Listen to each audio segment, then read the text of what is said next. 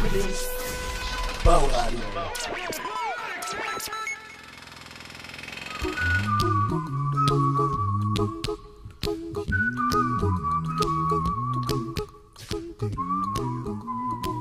Ja, jongens, daar zijn we dan. Ploegdienst Bouwradio. En dit is de eerste keer dat we het echt eh, focussen volledig op een podcast.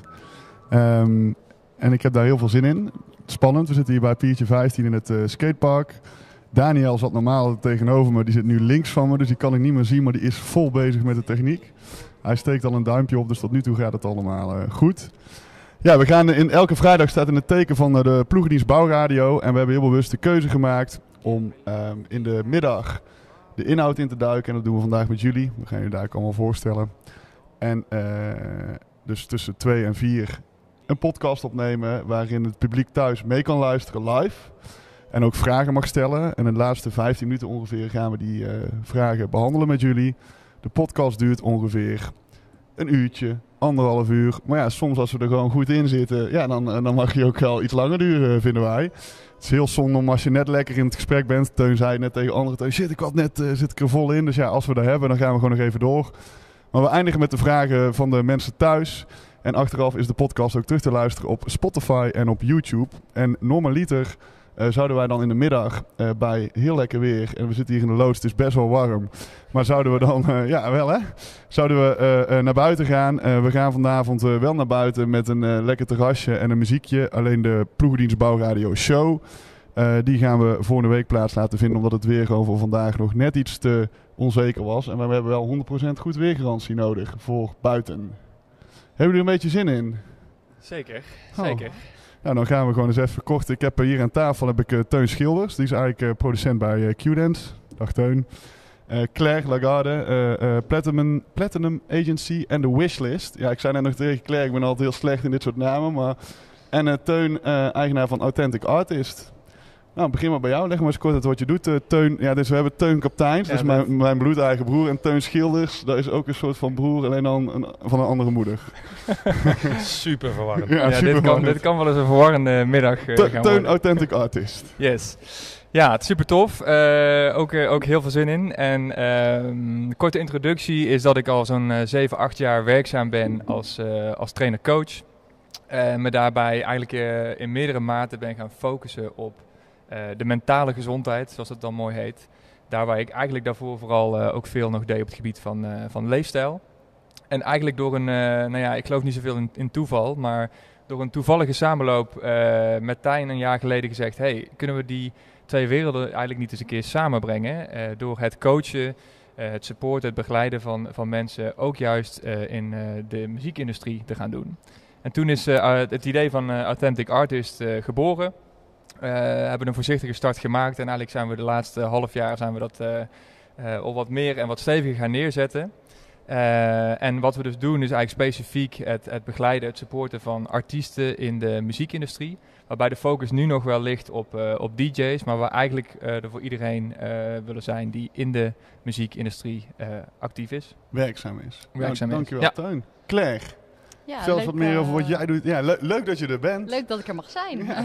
Eh, nou, ik werk nu sinds 4,5 jaar ongeveer bij boekingskantoor Platinum Agency. Ik ben begonnen bij de Wishlist, wanneer dat in 2016 is opgericht.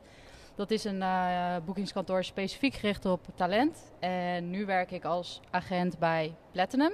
Dat is echt het headlinerkantoor, waar eh, behoorlijk wat grote namen getekend zijn. grote naam, aan wie moeten we dan denken? Want het is in de hardere stijl even, Ja, hè? allemaal hardere stijlen. Je moet denken van, eh, ja, is als boekingsagent best wel lastig om namen te noemen. Je moet eigenlijk ABC gaan beginnen. Ja, precies. Maar, dan, eh, dan doe je het nooit goed. Dan kom je daar terug en dan steek Claire, hoezo heb je Dan- mij niet ja, genoemd? Ja, precies. Je Nou, ja, Ik ben toch ook een grote naam?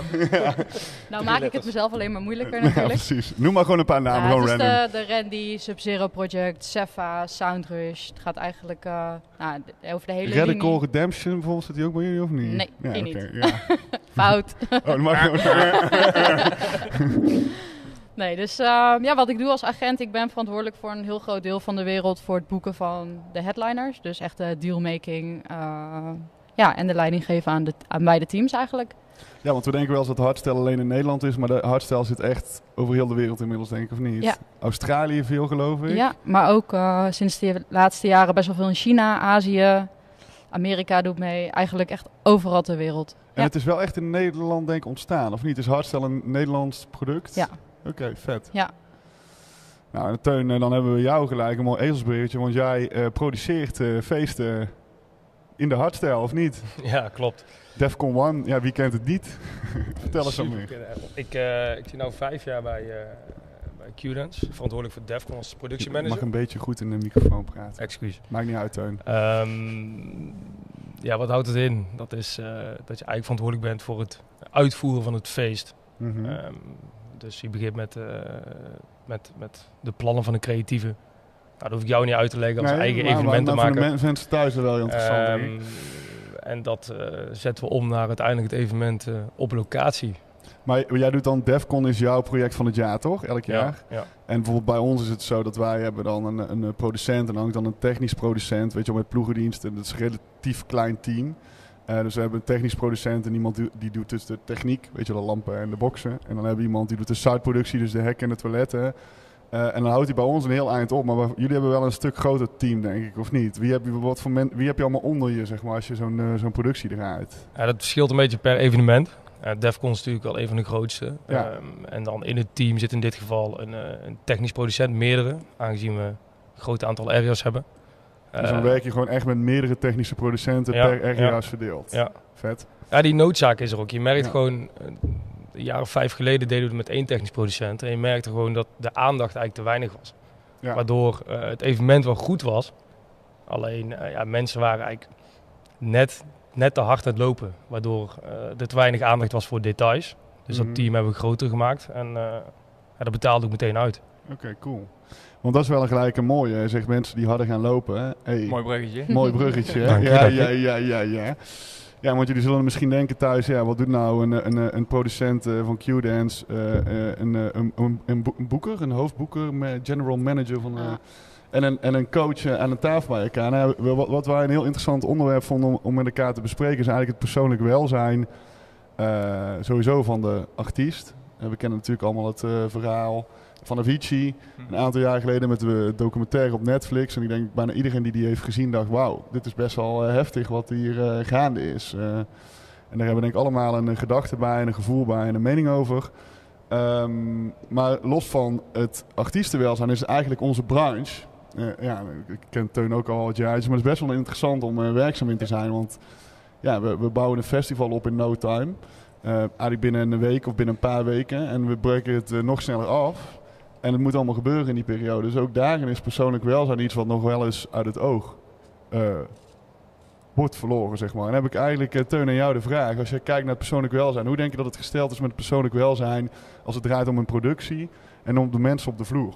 Teun Schilders, ja, wel belangrijk. Ik, ik zag dat je net andere denken. ja, je ging al bijna. ja. ja, dat is, um, dat is een goede vraag. Um, als ik eerst naar mezelf kijk. Um, ja, evenementenwereld zijn gewoon hele hoge pieken. En um, soms worden er hele diepe dalen die heel belangrijk zijn om op te laten worden vergeten. Ja. Um, van de ene show door naar de andere. Um, ja, je moet gewoon goed op jezelf letten en, en, en tijdig uitrusten. ja, het vergt gewoon heel veel. Het is gewoon topsport. Ja. Het is echt gewoon topsport. Je moet, uh, wat je net goed zegt, je moet in enkele weken tijd van nul een evenement opbouwen voor uh, 65.000 bezoekers. Uh, die komen een weekend lang uh, de beste tijd van zijn leven hebben. En die gaan naar huis, maar vervolgens moet jij nog een week daar blijven om alles weer af te bouwen. En, en hoeveel uur maak jij gemiddeld op een dag uh, met de opbouw? Hoe laat begin je, Ehm, hoe laat eindig je? Ik probeer ze altijd wel onder de 12 te houden, 11. Um, omdat, ja, anders houdt het gewoon niet vol. Nee. Heb je in, in, het verleden ook altijd zo gedaan, Teun? Of, uh... Zeker niet. Nee? nee, nee, 100%. Nee. Voordat ik, uh, voordat ik bij Q zat, nou goed, we hebben zelf de, samen dezelfde opleiding gedaan ja, aan de NRTV. Ja. Um, nou, daarna gingen we stage lopen. Um, ja, bij Wink. Welkom bij Wink, Wink in Utrecht. Ja, heel daar gingen we werken. Ja, heel tof bedrijf. Heel leuk bedrijf, heel divers. Uh, mooie projecten. Maar ja, dan moet je nog alles leren. Ja. En dan ben je jong. En dan wil je laten zien wat je in je mars hebt. En Dan, dan, denk je dat je heel de wereld aan kan. Precies, dan denk je dat je alles weet, alles kan, alles gezien hebt. En, en, en dat er nee geen grenzen zijn. Precies. ja. En ja, dan maak je... eh, Dat is een hele goede leerschool. Je maakt gewoon veel te veel uur. Um, maar dan ben je nog jong. En dan kun je dat nog. Ja. Tot op een gegeven moment. Ja, vind ik wel heel interessant. Want we, ik denk dat we allemaal merken in, in, dit, in, de, in deze wereld. We hadden net met Claire over, want ik ken Claire dan ook weer. De, wereld, de evenementenwereld is gewoon klein. En, eh, en eh, je ziet elkaar dan rondlopen. Claire zei letterlijk van ik heb jou denk zeven jaar geleden wel eens op uh, Hardstyle was aan stage manager. En nu in één keer wauw, weet je wel. Maar je mee dat er gewoon ook heel veel gretige mensen zijn die gewoon heel graag willen. Maar vaak ook wel ten koste van, van ja, je gezondheid. Daar heb ik de laatste, laatste jaren ben ik daar meer mee bezig. Maar in het begin was het inderdaad, maakte gewoon een week van 100 uur. En de laatste dag dat je aan het opbouwen was, ging je dan nog even gewoon, dan lag je letterlijk een uurtje te slapen of zo. Dan stond je gewoon op en dan ging je weer, weet je wel. Maar hoe is het bij jullie, Claire, eh, als het gaat om persoonlijk welzijn? Hebben jullie dat hoog in het vaandel staan? Of heb je zoiets van, nou, daar mogen we best wel meer mee doen als het gaat om de, de boekingswereld? Nou, de werkdruk is relatief hoog, want uh, ja, het gaat eigenlijk altijd door. Je werkt over heel de wereld. S ochtends ben je met, uh, ochtends ben je met Azië, Australië bezig en s'avonds ben je weer met Amerika bezig en alles ertussen in Europa. Uh, ja, artiesten realiseren zich ook niet altijd dat ze om 9 uur s avonds nog even bellen op zaterdag, bijvoorbeeld. En het is van belang om zoveel mogelijk uh, op locatie zelf te zijn. Dus ook daadwerkelijk de promotors te ontmoeten. Gaan die shows wel goed? Wat zetten de artiesten eigenlijk neer? Dus het is best wel een 24-7 baan. En een beetje vanaf november tot februari, dan is echt onze piek, omdat alle festivals liever gisteren dan vandaag uh, willen bevestigen. Uh, dus dat zijn best wel piekdagen, maar, uh, en ook wel pittig. Maar het scheelt bij ons. Wij zijn best wel een hecht team en we werken allemaal heel nauw samen. We hebben de regio's verdeeld en uh, nou ja, we hebben allemaal dan weer iemand die de vluchten boekt, die dat advancing doet. Ik kijk alle contracten na. finance controleert mij nog een keer. Dus mocht er ergens met iemand iets niet goed gaan, we zitten ook in één ruimte, dan heb je dat relatief snel door. En we zijn allemaal ook wel zo dat we het voor elkaar op willen vangen. Ja. Dus dat is op zich bij ons wel redelijk goed geregeld. Alleen ja, ik uh, zou liegen als het altijd even soepeltjes was. En, en, tegenover jou zit iemand, een, een, coach zeg maar, die dus, dus bezig is juist om die artiesten... Um, want ja, dat, een artiest uh, natuurlijk, je hebt het over gigs en over heel de wereld rond en noem maar op. Maar het is natuurlijk super belangrijk dat zo'n persoon ook gewoon hygiënisch en, en zuiver, noem ik het maar, in, in zijn hoofd blijft. En gewoon heel veel plezier blijft houden in wat hij doet. En hoe, hoe, proberen jullie dat een klein beetje te stimuleren, controleren? Uh, ja, te zorgen dat je, dat je artiesten gelukkig blijven met uh, wat ze aan het doen zijn, ondanks de red race waarin ze zitten. Ja, nou sowieso bespreken we bijna alles met ze. Als we boekingen rond gaan maken of van tevoren een tour. van wanneer, wanneer ze waarheen willen. En mocht het nou echt een beetje veel worden of echt van hot naar her. Dan checken we altijd even in van joh, wil je het wel doen? Kunnen we hem niet beter uitstellen tot een andere keer? Uh, en voor aan ons is het natuurlijk de taak om alles van tevoren zo goed mogelijk te regelen. Dat het met de vluchten allemaal in orde is. Uh, we hebben ook noodnummers. Dat stel het is niet in orde dat het zo voor ze opgelost wordt. Dat de hotels geregeld zijn. Dat de food and beverage allemaal voor ze in orde is. Dat de chauffeur er op tijd is. Kijk, dat is wat wij op voorhand zo goed mogelijk proberen te regelen. Ja, en verder, uh, ja, we spreken ze dagelijks. Dus vaak inchecken van, joh, moeten we niet een keer even een weekendje vrij plannen? En de een die vindt dat fijn en die komt daar zelf mee. En de ander die uh, ziet echt of die uh, water ziet branden als je vraagt van zullen we een weekendje vrij voor je plannen. Die zijn daar echt, uh, ja, nou, de druk is op zich best en, wel hoog. En nemen die dan ook wel eens tegen hun, zich, hunzelf in bescherming, zeg maar? Omdat je, ik denk dat jullie veel beter, je zegt het wel mooi, dat, het is eigenlijk heel knap. Want ik denk niet dat elk boekingskantoor zo met zijn artiesten omgaat van weet je het zeker, zullen we deze gig wel plannen? Ik bedoel, ik heb de documentaire van Avicii gezien. En eigenlijk wat die manager gewoon zei is, de, deze moet je ook nog even doen. En deze ook nog. En, de, en terwijl hij zei, ja, ik wil dit. Ik, hij zei gewoon letterlijk, ik wil dit niet. Mm. En het werd alsnog door zijn strot geduurd, zeg maar. Heb je zoiets van, dat gebeurt bij ons absoluut niet? Nou, eigenlijk niet. Dat scheelt ook wel. Wij hebben een relatief kleine scene. Eigenlijk iedereen kent elkaar. De meeste jongens zijn allemaal Nederlands. Uh, ze hebben best wel goede begeleiding. Uh, kijk, ik ben dan agent en veel hebben er ook nog een manager die wel een beetje uh, de artiesten zelf in de gaten houdt. Kijk, en mocht het niet goed gaan, dan ja, uiteindelijk heb je er zelf ook niks aan als iemand daadwerkelijk omvalt. Ja. En ja, we hebben best een paar jonge boys die zelf zoiets hebben van we hebben gewoon zo'n drukke agenda. Ik vind het wel even prima een keer weekendje niet. Ja. Dus ja, en wij zijn dan niet iemand. Kijk, als het echt een show is, wat echt heel goed voor hun profiel is. En dat moeten ze doen. Kijk, dan kun je wel zeggen van ik zou adviseren om het te doen. Ja, maar moet, deze moet je gewoon even meepakken. Eigenlijk wel, maar de, de eindcall ligt echt bij de artiest zelf en niet bij ons. Oké. Ja. En Teun, hoe denk je vanuit jouw rol uh, uh, als coach uh, in Authentic Artist, hoe het gesteld is met het welzijn van de artiest? Ja, ik vind het wel, wel mooi hoe we er uh, uh, net ook op, op kwamen. Wat je zei met uh, sommigen die, die zien water branden. Ik weet nog wel dat ik, was volgens mij nu twee jaar geleden, stond ik op, eh, op Rebirth in Haren. Daar liggen de, de roots van Tijn en mij nog, eh, waar we geboren zijn. En toen sprak ik ook twee jongens, en ik ben even de naam kwijt, ze waren net aan het doorbreken. eh, maar er kwamen ook net... eh, eh, vanuit- Hardstel? ja, in de hardstyle. Frequencers, denk ik. Niels en... eh, Nee, nou, Ja, echt die nog, zijn er al even. nog twee, jong, echt twee jongere gastjes. Ik denk dat ze ook een jaartje of 19, 20 waren, waren toen net een jaar of twee eh, eh, aan de gang.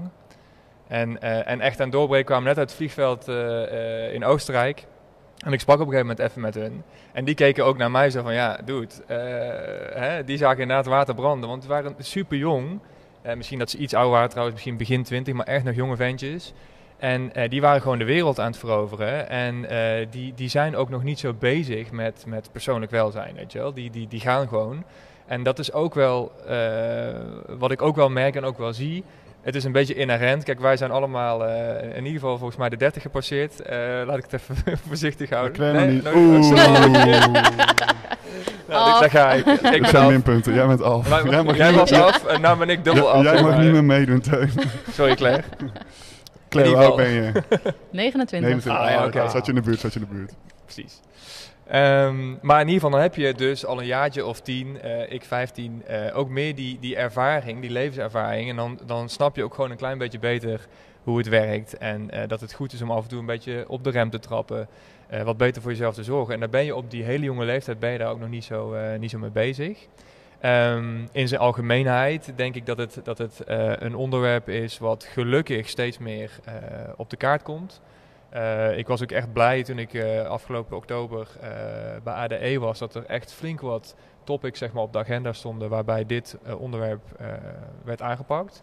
En wat ik ook wel merk is dat het nog steeds dat er nou, veel over gesproken wordt, veel over gepraat wordt, maar dat, dat het ook gewoon nog lastig gevonden wordt.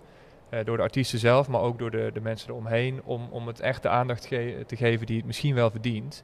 Eh, maar dat heeft ook gewoon, denk ik, een, eh, een, eh, ja, een wat langere adem nodig. Hè, daar waar je in, we maakten net al even de vergelijking met topsport. Twintig jaar geleden, als je toen, of misschien, ja, zeg twintig jaar geleden bij een voetbalteam zei van jongens, zullen we eens even een mental coach laten invliegen? En dan keek iedereen naar je aan en dan dacht het elftal van ja, wa- wa- wat, moet je nou? Ja, Ja. wat kom je nou mee aan? Hè? Daar werden er allerlei verwensingen gedaan die we hier maar niet live op de podcast zullen noemen. En nu kom, kom je, kun je geen één topsportteam eh meer tegenkomen. In de voetballerij, in de Formule 1, tennissers, wielrenners. Die hebben allemaal mentale begeleiding. Want het gewoon mega belangrijk is. En het werkveld... want Dat, dat is eigenlijk, als ik je even mag onderbreken, wel heel Ja. bijzonder. Want eh, ehm, toevallig hadden we het daar laatst over. Dat je dus gewoon in het topsegment van het ondernemen... hè, heeft iedereen is met coaches bezig, begeleiding. En dat Ja. is supergoed, weet je wel. Dat houdt gewoon je mind scherp. Eh, wat je noemt in de, in de sport ook. Dus eigenlijk is het, vind ik het heel bijzonder dat het niet een soort van eh, eh, heel, heel gebruikelijk is, juist in het Ja. artiestenbestaan. Ja, om iemand gewoon naast je te hebben. Wa- wa- Wat, denk je dat daar de reden van is? Zijn, zijn boekers bang om artiesten kwijt te raken, om gigs te verliezen? Om... Vind ik wel Nou ja, interessant, hè? Kijk, het, het, ik denk dat er een aantal dingen daarin een, eh, een rol spelen. Eén is dat gewoon, hè, eh, net hadden we het daar heel kort even hiervoor over, dat, dat de, de industrie aan zich eh, is, is best wel een, een, een stevige, rauwe eh, energie, of industrie, sorry. Veel mannen nog steeds, eh, overwegend mannen in, in actief. Best wel wat taboe, zeg maar, op dit soort, dit soort thema's. Dus dat maakt het al een stuk lastiger om het, om het echt helemaal geaccepteerd te laten zijn. Ehm, ja, en ik denk daarbij, ja, natuurlijk zullen er ook op bepaalde fronten wel eens eh, eh, angsten spelen. Dat als, als wij eh, vanuit Authentic Artists binnenkomen hè, en, en men heeft misschien een iets wat korte door de bocht visie. Van oké, maar dan gaan dadelijk die gigs eh, gehalveerd worden of loopt die artiest bij ons weg. Ja, tuurlijk, dat is er ook. Maar daar kun je het dan met elkaar over hebben. En dan kun je uiteindelijk, denk ik wel, dat, dat, dat het besef eigenlijk moet groeien. Dat het persoonlijk welzijn nooit nooit eigenlijk eh, ondergeschikt mag zijn aan iets anders. En dat is denk ik, ik denk niet dat mensen dat, dat bewust niet zo doen, maar ik denk wel dat het niet altijd zo ge- geleefd en gedaan wordt. Ik denk dat het ook een klein stukje dieper ligt nog. Het is nou het stuk taboe wat jij aanhaalt. Ehm, van jongs af aan niemand leert eh, over zijn gevoelens te praten. Wat is het nou, wat ervaar ik nou? Dat, Ja. dat, dat leer je niet. Vooral Ehm, niet in Brabant. Nee, ja, nee, dat is echt. Vooral niet in Brabant. Het is, eh, In Limburg is het nog erger, denk ik. Nee, maar, nee, maar het is wel waar, inderdaad. Ja, maar dat is een hele belangrijke, denk ik. En daarnaast, ehm, als je jong bent en je hebt er geen ervaring mee, ehm, je ervaart het pas als je eigenlijk al te ver bent. Ja. Want je hebt niet nooit de handvatten gehad om er iets mee te doen. En eh, het vergt ook wel wat van je. Want als je er iets mee wilt doen, zul je echt kwetsbaar moeten opstellen. Klopt. En dan kom je weer in die, terug naar wat jij net terecht aanhaalt, die stoere, rauwe wereld. Ja, ga maar eens eh, over je gevoelens praten als, als, als, eh, als stoere man in, in de evenementenwereld. Terwijl Ja. het juist wel een heel goed begin is om aan je persoonlijk welzijn te gaan werken. Maar Absoluut. ik denk ook dat het eh, met boekingen eigenlijk helemaal niks in de weg zit. Omdat het voor ons net zo van belang is dat een artiest überhaupt blijft draaien. Eh, dus ja, wij weten wel dat er een aantal artiesten zijn die lopen ook wel, die hebben ook gewoon hulp of coaching of wat dan ook. Want het is naast dat ze veel boekingen hebben en veel reizen, ook het idee dat in een relatief korte tijd ze wel hun succes moeten halen. En je, ze weten bij zichzelf niet, is dit een hype? Gaat het over? Mhm. Eh, ja, lukt het wel met dat album? Is het wel de goede timing? Dus zeg maar naast boekingen is er echt nog zoveel van artiesten om ja, eigenlijk toch een beetje onzeker om te zijn. De stroming verandert wel eens. Op een gegeven moment heb je in de hardstyle gezien van het is ineens best wel hard geworden. Ja, van En dat- euforisch naar eh, rouw. Nou en, ja, eh, ja. Ja, en dat van die boys die er een beetje tussenin hangen echt zoiets hadden van ja, moeten we nou meegaan? Of Ja. moeten we nou blijven doen wat we doen? Ja. En dat zijn best wel eh, ja, ook kwesties die naast boekingen... Kijk, je moet ook... ehm, een artiest die staat over het algemeen eh, niet echt na zijn vijftigste nog op het podium. Ja, een paar uitzonderingen daar Nou, gelaten. DJ Sean. Jos keer van bellen. ja, Jos van, Joost van Bellen. nog, eh, Dat durf ik ook wel te zeggen dat hij de, de Ja. 50 passeert, toch? Ja, ik denk het wel, denk het wel. Nou, ik durf er ook nog wel een paar te noemen, maar, eh, maar ik noem geen namen. Oké. Maar eh, ja, er zijn er inderdaad wel een aantal van. Maar dat zijn ook dingen die best wel wat druk opleggen. En eh, natuurlijk ook wat dus het taboe is van een artiest. eh, die reist veel, die ziet veel, die verdient veel geld. Dus die mag niet zeuren. Ja. En dat is ook iets naar de buitenwereld. Waar, waarom er misschien nog iets te weinig eh, hulp of coaching wordt gezocht. maar Zeker, misschien ja. dan een vrij directe vraag. Hè? Maar ik denk dan, je hebt het net over de derti- dertiger, zeg maar. En ik denk dat we allemaal, eh, tenminste als ik voor mezelf spreek, eh, heb ik al momenten meegemaakt dat je dus echt jezelf een keer goed tegenkomt. Ehm, ook in je persoonlijk welzijn, weet je. En dan, eh, dan weet je dus hoe het voelt om tegen een burn-outje aan te zitten. Of in ieder geval even gewoon Mhm. angst te voelen of een paniekaanval of wat dan ook. Maar als je dus eh, de boeker bent van artiesten dan, en, en je bent dus 30 of 40 jaar oud, dan is de kans vrij groot dat je al een keer eh, zoiets hebt meegemaakt in je leven. Heb je dan eigenlijk niet de verantwoordelijkheid om eh, bij voorbaat al te zeggen van wij zorgen altijd dat we de artiest die dus de wereld wil veroveren een stap voor zijn. Omdat wij weten waar die eh 9 van de 10 keer op uitkomt. Want ik denk bijna elke artiest in het topsegment die heeft een moment dat hij zichzelf tegen gaat komen. Denk Ja, ik. dat durf ik ook wel te zeggen. Ja. Ja. Maar zou je dan zeggen van daar, daar moet meer mee gebeuren? Daar moet je op voorhand veel meer mee doen? Of moeten we, ik denk dat Ja. sowieso in het algemeen heel het coachingsverhaal wordt nog altijd eh, eh, makkelijk over gedaan. Oh, lekker, fris drankjes. Ja, het is hier best wel warm, hè, Ja. jongens. Ja, het is hier heet, ja. Ik, had net al, ik, stuurde net een klein appje van, oh, we hebben het, eh, we hebben het hier wel redelijk warm. Er Dankjewel. wordt heel goed voor ons gezorgd. Ja, Super. Maar ik denk om, om even daarop Ja. in te haken wat jij zegt. eh, dat is misschien een vrij direct hoor, even gewoon eh, gelijk erin. Maar ik, heb, ik, ik wilde daar, maar teun, teun, andere teun mag eerst. Ja, ik denk, denk uiteindelijk is dat meer jouw vakgebied, maar in, in, in hoeverre kun jij eh, preventief eh, iemand zijn arm in het gips zetten om te voorkomen dat hij ooit breekt? Nou ja, het is, in die zin is het ook, en dat zeg je ook bij mijn vakgebied, dat vind ik ook interessant. Kijk, ehm, waarom het denk ik ook gewoon nog zo lastig is, omdat, omdat het ook voor veel eh, eh, partijen zeg maar niet hun cup of tea is, weet je wel. Dus het is ook niet, ja, het is niet je vakgebied. Eh, je hebt er niet, de, je bent misschien wel gewoon mens, weet je wel. Je kunt een beetje invoelend vermogen hebben. Maar je hebt ook niet altijd de, de, de, de skills, zeg maar, om hoe daar dan in te handelen. Dus daar, daar ligt al ook een, een nou ja, denk ik, een, een, een, een, een stuk wat, wat, wat het pijnpunt blootlegt. Eh, en waar ligt dan de verantwoordelijkheid? Want hè, je, kunt, je kunt ook niet alles bij een boeker neerleggen, weet je wel. Dat, is, dat gaat ook, vind ik in ieder geval, dat gaat ook te ver. Ehm, dus je, je- zult ergens moeten, moeten kijken van hoe klopt het en, en waar kun je het eh, ehm, eh, neerleggen of onderbrengen. Hoe, hoe leg je ook het stuk eigen verantwoordelijkheid van de artiest zeg maar, het, is het, is, het is heel moeilijk om verantwoordelijkheid voor iets te nemen wat je nog niet kent. En in die, in die zin, als ik dan even de, de, de, een- maak naar het voetballen of naar het basketballen of noem maar op. Ja. Dan- wat je in het voetbal bijvoorbeeld heel erg zag, eh, net zo goed als een taboe op die, eh, op die eh, persoonlijk welzijn, lag ook heel lang een taboe op de fitnessruimte bijvoorbeeld.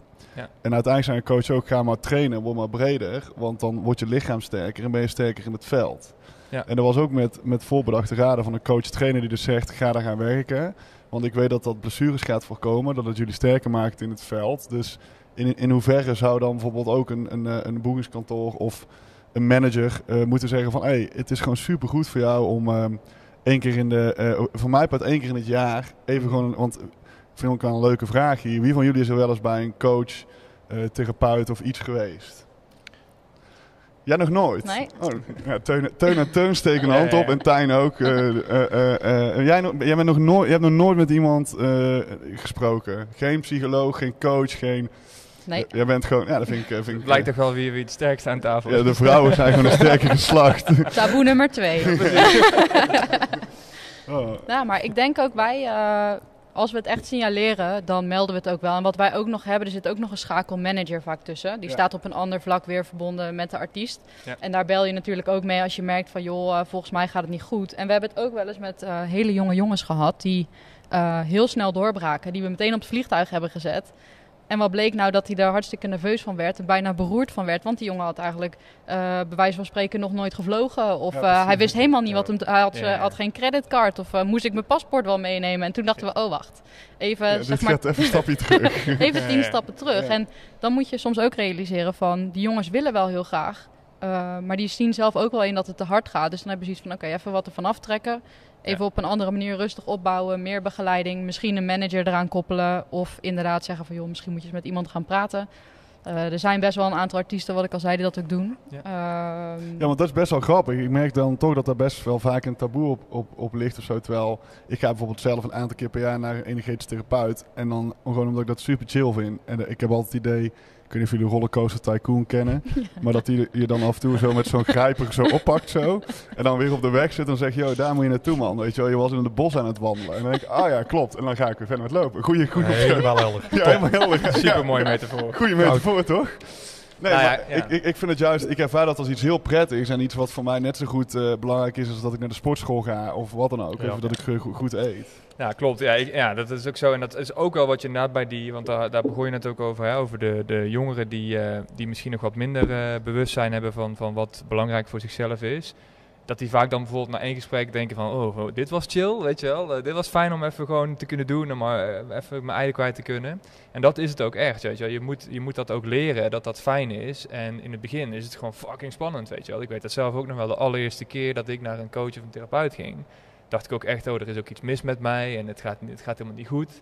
Wat, Ja. wat niet aan de hand was. Ik, ik, ik, maar ik, ik had wel een paar thema's en bepaalde dingen Ja. in mijn leven waar ik even gewoon eh, tegenaan liep. En waar ik gewoon echt even iemand nodig had die, eh, die mij die spiegel gaf. En dat is wel tof dat je dat op jonge leeftijd ook al wel eh, kan doen. En heel waardevol.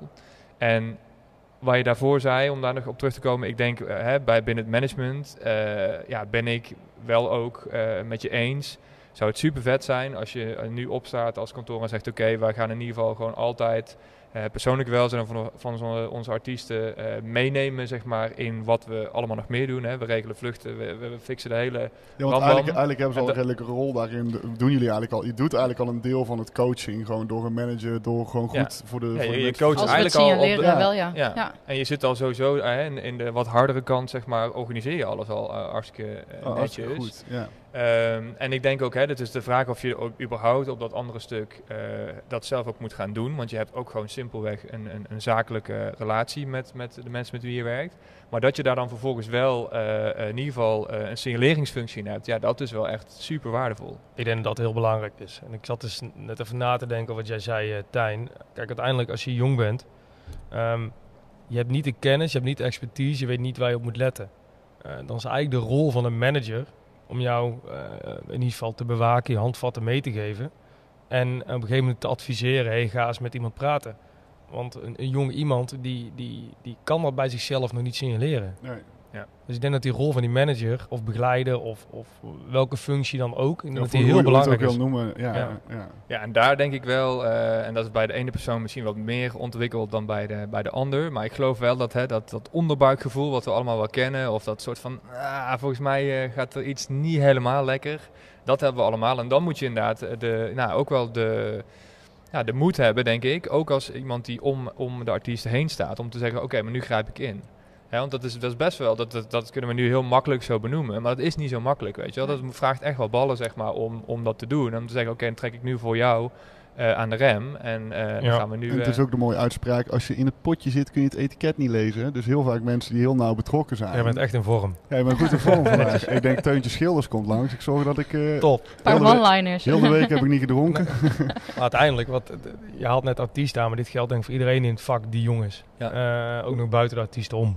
Ja. Eh, het, is, het is gewoon begeleiding en, en, en in de gaten gehouden worden. Ik denk dat het heel belangrijk is voor, voor iedereen die jong is en die eerste stappen zet in, in, in deze wereld. Ja, en het is sowieso eh, wel grappig wat Claire zegt. Want ik denk dat een heel, heel belangrijk onderdeel eigenlijk van persoonlijk welzijn... zit dan vaak in hele simpele dingen. Want ik heb bijvoorbeeld bij mij in het bedrijf ook heel vaak met stagiaires gehad... die dan gewoon... Kun je er ook gif op innemen, derdejaars stagiaires... dat die ergens op een gegeven moment even een, eh, met, met zichzelf ergens tegenaan lopen. En eh, eh, de grap is ook altijd dat je dan eigenlijk een soort van basis met elkaar doorloopt van...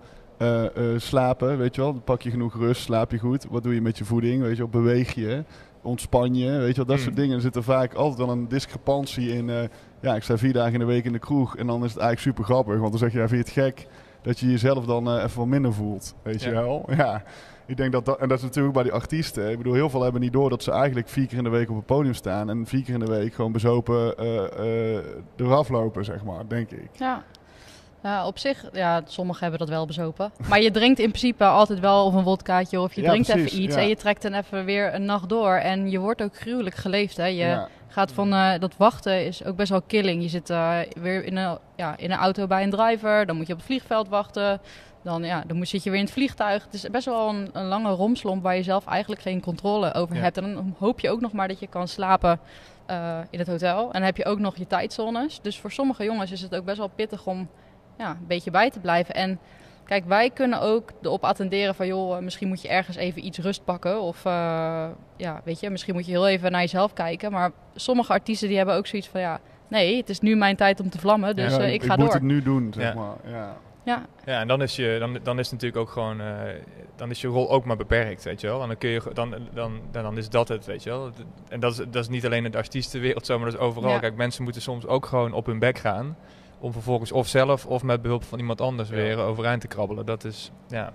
En natuurlijk, weet je, hè, dat is misschien gek uit mijn mond. Wij proberen dat zoveel mogelijk te voorkomen. Maar ja, je weet ook dat dat niet altijd eh, eh, haalbaar is. Weet je wel, liever, liever voordat ze op de grond liggen. eh, maar nou, soms is dat, eh, soms is dat het. Oké. Heb jij, kun jij, misschien we nou eens te binnen, Ja, Tijn. Kun je ik- herinneren dat je mij ooit nog een boekje hebt gegeven, wat je zelf gelezen had?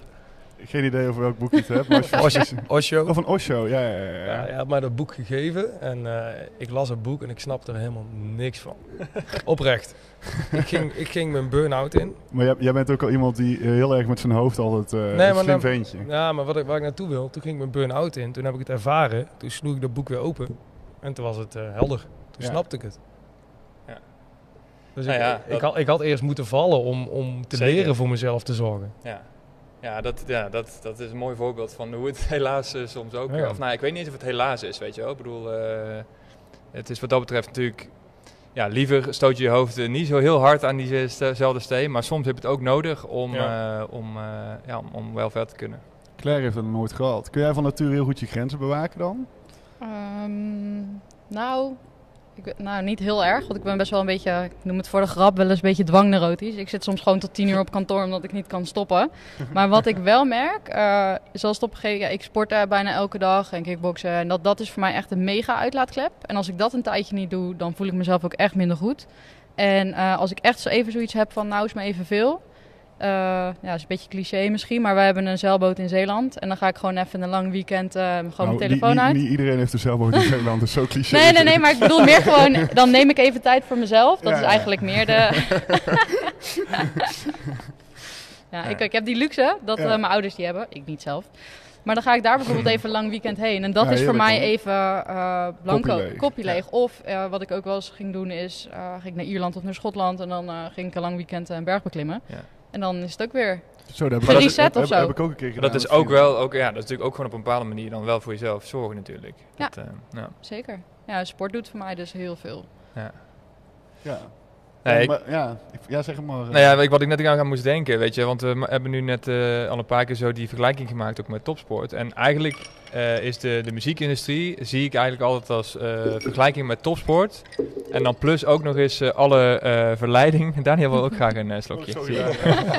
komt eraan, Daniel. Dus het is topsport plus alle verleidingen die je ook nog hebt, weet je wel. Drank, drugs, eh, nou ja, seks, echt alles wat zeg maar eh, nog meer kan afleiden, zeg Dat is bij maar. sommige Ja, nacht- wielrenners ook wel. Nachten doorhalen. Nachten doorhalen inderdaad. Dus dat, dat, dat- ja, dat, dat maakt het wel gewoon echt ook extreem eh, uitdagend. Ja, en ik, en ik denk wat Teun net ook al heel erg mooi zegt. Ik denk dat er nog ineens niet alleen bij artiesten is, maar ook in de, in de evenementenbranche. Want jij, jij Ja. Teun die was, eh, de broer Teun was bij ons bijvoorbeeld ook een ploegdienst. Die zei, ja, ik vind het echt wel bijzonder om te zien, want die gasten... Oh, oh ik heb even een Siri tussendoor. maar eh, ehm, wat je zei is dat... eh, ehm, ja, dan heb je de hele week lopen knallen. En dan heb je de dag zelf. En dan iedereen die drinkt dan even een lekker biertje. En daarna heb je de afterparty. En dan wil dan iedereen toch even naartoe. Ja. dat is ook altijd de grap. Dat dan, als je dan aan de kloten bent, dan maakt het ook eigenlijk niet meer uit, weet je wel. Want dan, dan, dan krijg je op een gegeven moment de neiging, heb ik in ieder geval iedereen om... Ja, dan ga je vet vreten. Ga je nog harder zuipen. Dan denk je, ja, die afterparty die pakken we even mee. Want die hebben we nu wel verdiend, weet je wel. En dan de volgende Hard dag, gewerkt. drie, drie uur later sta je weer op het terrein. Dan ga je afbouwen. Zodat iedereen gewoon zeg maar, met zijn linker eh, oog in zijn rechterbroekzak te kijken. Dan denk je, nou jongens, goed de klimtuigjes aan en Ja, zo. die is top. Ja, Het is een Maar- soort survival modus Ja. eigenlijk waar je in ja, gaat. gewoon rock eh, en, al- en ook al, ik noem het ook altijd een beetje gewoon wel adrenaline junkies, weet je wel. Die Ja. gewoon heerlijk vinden om, om op die rush te gaan. Want jij zei net heel mooi, Teun, eh, toen wij aan het lunchen waren. ehm, die, die coronacrisis die kwam. En ehm, eh, ik stond in de startblokken, weet je wel. En ik kon in één keer niet meer. En dat voelde voor mij super eh, onwennig, weet je wel. Ja, dat je- was super raar. En kijk, normaal zitten wij nu, zaten wij nu in april, mei, juni. Zaten wij vol in, eh, in de voorbereiding van, van Defcon. En dan gingen we naar de uitvoerende opbouw. Ja, en dat was op een gegeven moment niet meer. En ik dacht, oké, nou dat, dat is hem dan. Maar ik merkte aan mijn lichaam en ik, kon- ik, kon, er, ja, ik kon er niet zoveel mee. Ik, ik, kon, ik kon mezelf niet uithalen. Ik werd gewoon heel onrustig. En ik denk dat het dan toch eh, mijn ritme is geweest van de afgelopen vijf jaar. Dat je dit moment van het jaar aan het vlammen bent. Ja. Maar ja, ik kreeg het echt niet uit mijn systeem. En sinds een twee weken of zo ben ik alweer, eh flow ik alweer. Maar Mhm. daarvoor, ja, het zat me echt gewoon dwars. Het is ook echt heel lastig dat je gewoon eh, noodgedwongen even niks kan doen. Terwijl je denkt, ik, er is toch iets wat ik kan doen. Dat Ja. had ik heel Ja, erg. Van, het ja. kan toch niet zo zijn dat ik echt niks ga doen. Ja. Zeg maar, dat zal jij dan Die waarschijnlijk heel ook wel een erg. En, en ook, ehm, kijk, op het begin was het nog, eh, oké, er mogen geen evenementen tot, wat was het, april denk ik. En die werd toen verlengd. En ja, eigenlijk diep van binnen weet je al, oké, forget it. Die hele zomer gaat eruit. Ja. Maar eh, de maatregelen lagen er nog niet. Dus eh, heel erg dubbel. Enerzijds, je moet door. Want als we nu zouden stoppen, dan zou je nooit meer een evenement op tijd af kunnen krijgen. Maar anderzijds weet je al diep van binnen, ja, die datum gaat toch verlengd worden. Ja, dat is super dubbel. Ja. En dan productief te blijven, dat, dat, dat was echt heel moeilijk.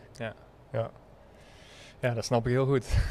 En helemaal in een industrie die juist ook altijd gewoon eh, snel eh, vooruit gaat. Fast Ja. forward. Ja, ik vond het dus heerlijk, ik zei net tegen Teun. Ja, Dat mooi. wel grappig. Ik zei tegen Teun, oh, ik, ik had de eerste week, vond ik het eh, raar, omdat we waren op wintersport in Oostenrijk. En wij zijn letterlijk het Ja. dal, weet je wel, echt zo'n jeep die kwam aanrijden. Je moet over een uur het dal uit zijn, anders dan... eh, eh, Dus in quarantaine. moesten we twee weken in quarantaine in Iskol, nee, langs Iskol, was het? Galtour. Dank je. Ehm, Heb jij het ook mee naar Nederland genomen dan? ja, ik heb uiteindelijk gezorgd dat het hier in Nederland was. Ah. Ja, Tijn heeft voor de eh, verspreiding in, In Brabant. Brabant. eh, Mijn bijnaam Ja. is ook wel de superspreader. nee. nee, wij zijn in ieder geval eh, eh, terugkomen eh, eh, eh, rijden. Maar het was echt een beetje alsof er een zombie-invasie was. Wij dachten aan iets anders. Maar ja, dat, weet ik, dat weet ik. Vieze ventjes. maar het was een soort zombie-invasie van je moet nu het dorp uit. Dus ik heb een weekje, heb ik me een beetje... Alleen toen op een gegeven moment... Ik, dacht, ik had namelijk heel sterk dat ik er heel snel achter kwam. Dat ik dacht, shit man, wij zitten altijd in die zesde versnelling eh, eh, op het gas te Ja. duwen. En dan nog even eroverheen. En ik vond het eigenlijk wel gewoon even lekker dat ik dacht... eh, yes, weet je wel, gewoon... Het is super kut allemaal, alleen even die versnelling 3 meer eigen maken en, en, en beter weten. Daar, daar ben ik nu nog steeds mee bezig van hoe ga je als het weer drukker wordt. Want ik heb dat nu de laatste paar weken, dan komt die creatiekracht en dan word, je, dan word ik dus weer van ik moet gaan ondernemen of zo. Ik weet niet wat het Mhm. is. En, en dan ga je dat weer in gang zetten. En dan denk je, wauw man, in drie weken ren ik mezelf alweer voorbij. Weet je wel? En dan, en dan had het net heel mooi met Teun over hoe harder ik werk. Blijkbaar heb ik dan nog meer zin om op vrijdag nog harder te gaan zuipen ook, weet je wel. Want dan, ja, dan ga je vrijdag- 100%. Dus er zijn hele, hele eh, eh, ehm, noem je dat, destructieve eh, patronen waar je eigenlijk al een beetje uit wil af en toe. Maar die je nu aanhaalt is denk ik heel mooi en denk heel herkenbaar. In ieder geval voor mij en ik voor de rest ook. Maar daar moet de rest zo meteen maar iets over vinden. Ehm, hoe, hoe drukker je wordt, hoe slechter je voor jezelf gaat zorgen. Terwijl je van binnen weet, oké, ik moet eigenlijk nu juist heel goed voor mezelf Ja. zorgen, want ik krijg het druk. Ja. En op een of andere manier verslonst dat meteen. Ja, dat is heel maf. Dat, dat, eh, dat klopt. Ik herken dat. Volgens mij is dat heel mens eigen. Nou ja, ik herken hem ook dus in ons werkveld super hard. Ik kan bijvoorbeeld stoppen met roken. En op het moment dat dan het eerste hijpaaltje van de productie in de grond staat, dan vraag ik aan eh, een collega, hey, doe even peukie. En Ja. dan ga ik dus weer een sigaretje roken. En op een gegeven moment, eh, na dag drie of vier of vijf, koop je weer in één keer sigaretten, terwijl je al maanden niet had gerookt. En dan zit je op een gegeven moment in die... En dan ga je met eten, eh, eh, zo even nog een Mackie pakken, weet je wel. En dan heb je Ja. een Mac op op donderdag en dan denk je op vrijdag zullen we nog een keer Mackie pakken. En dan draai je show.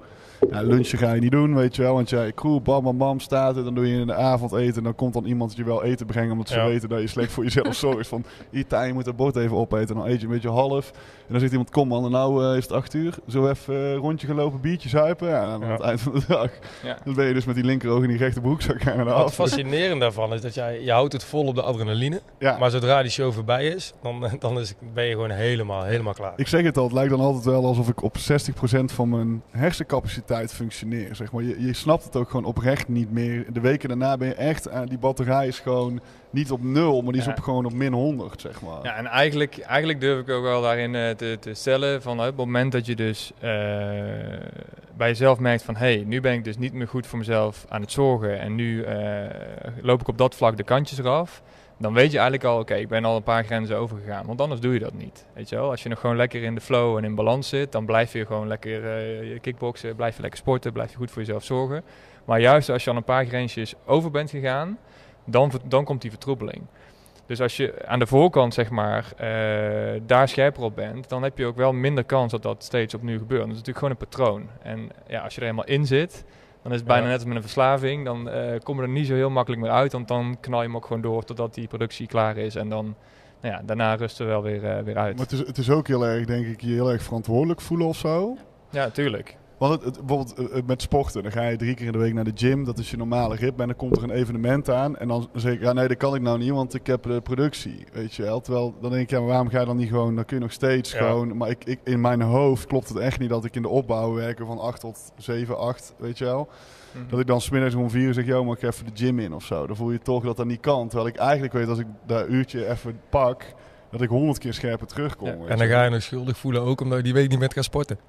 Achteraf. Ja. Maar het is ook een beetje die neerwaartse spiraal. Dat als je het heel druk hebt en dan eh, eet je even wat op kantoor. Ik heb me van de crackers met pindakaas. En dan, eh, dan Ja, eh, dat, is is het dus weer de veel... perfecte snack tussendoor. Heb Nou ik ja. ook al drie, vier uur. Ja, elkaar hop naar binnen. En een Nou ja. glas water. Ja, kunnen we even een bakje koffie? Precies, en dan ga je niet sporten. En de volgende dag weer vroeg op kantoor. En dan wordt het weer laat. En dan denk je, ja, nou ja, ik ben gisteren ook niet geweest. Laat maar, ik ga volgende week alweer. En dan hoopt het eigenlijk op. Ja, dat, ja. En dat moet je zien te voorkomen, Maar wel, eigenlijk. Wat ik nog wel interessant vind, je was net inderdaad aan het vertellen. ehm, als je op een gegeven moment in die modus gaat, ben je al twee of drie stappen te ver. Mhm. Maar wat, wat zou jij dan vanuit, jou, vanuit jouw vakgebied, wat zou je dan adviseren voor zo iemand om te doen? Nou ja, het is eigenlijk wat, wat, wat Tijn net zegt. Maar en, en bij mij raakte dat ook weer aan dat taboe-thema, zeg maar. Want eh, taboe ra- raakt altijd heel nauw aan bijvoorbeeld jezelf schuldig voelen... of misschien zelfs ergens voor schamen of verantwoordelijkheid. En eh, ik heb bij Tijn, dan sta ik natuurlijk iets dichter eh, bij het vuur... heb ik het de laatste jaren al wel ook zien veranderen. Dat die, eh, ook de laatste productie, in, in de winter was dat... Zag ik, zag ik jou ook al echt, wow, die gast is echt super chill nou. Dat heb ik wel eens anders gezien in de aanloop ergens naartoe omdat hij toen al wel wat beter voor zichzelf aan het zorgen was. Af en toe even een yogaatje tussendoor deed in de avond. En ik denk dat als je... eh, Len- Lenig ventje ben ik wat. hè. zo, ja.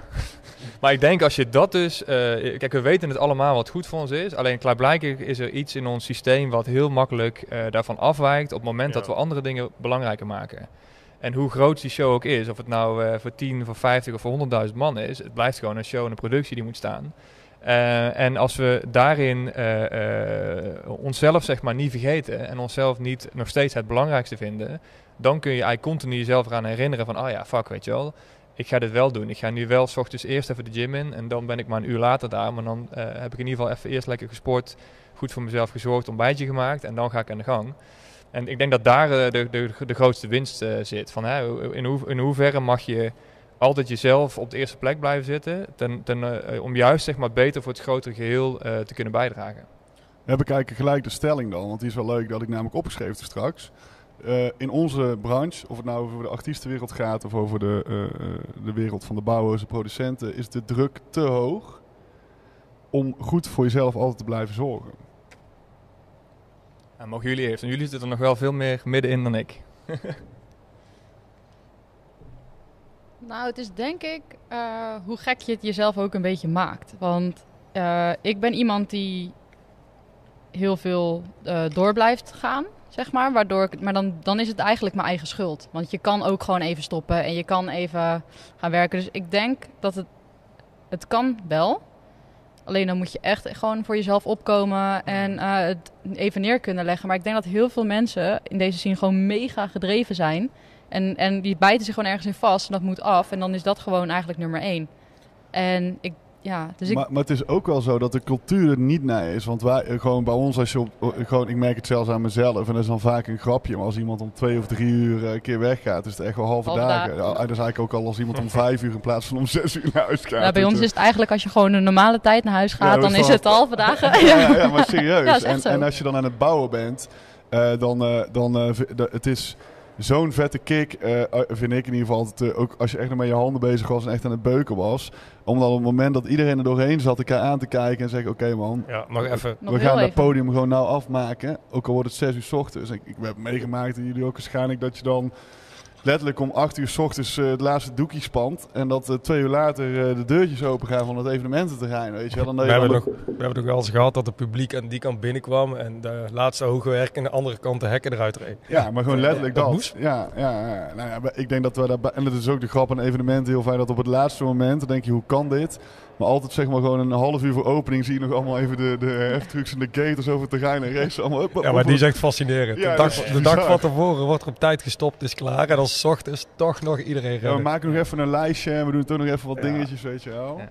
Maar het is dus ook, denk ik wel, eh, je moet heel sterk in je schoenen staan, zowel als artiest of, of als, als persoon werkzaam in deze branche, om dan die ruimte in te nemen en gewoon, eh, ik, vind, ik, ik durf wel oprecht te zeggen, als een collega zegt, de tuin halve dagen, dan, dan weet ik dat ik moet denken, yo, fuck jou, ik eh, werk keihard en ik doe het, maar ik voel hem ook wel, ik denk, ah ja, fuck, weet je wel. eh, Ja. eh, ja, je voelt je dan toch een beetje een, eh, een, eh, een opgever of zo. Ja. En, eh, en dat past niet echt bij ons werk.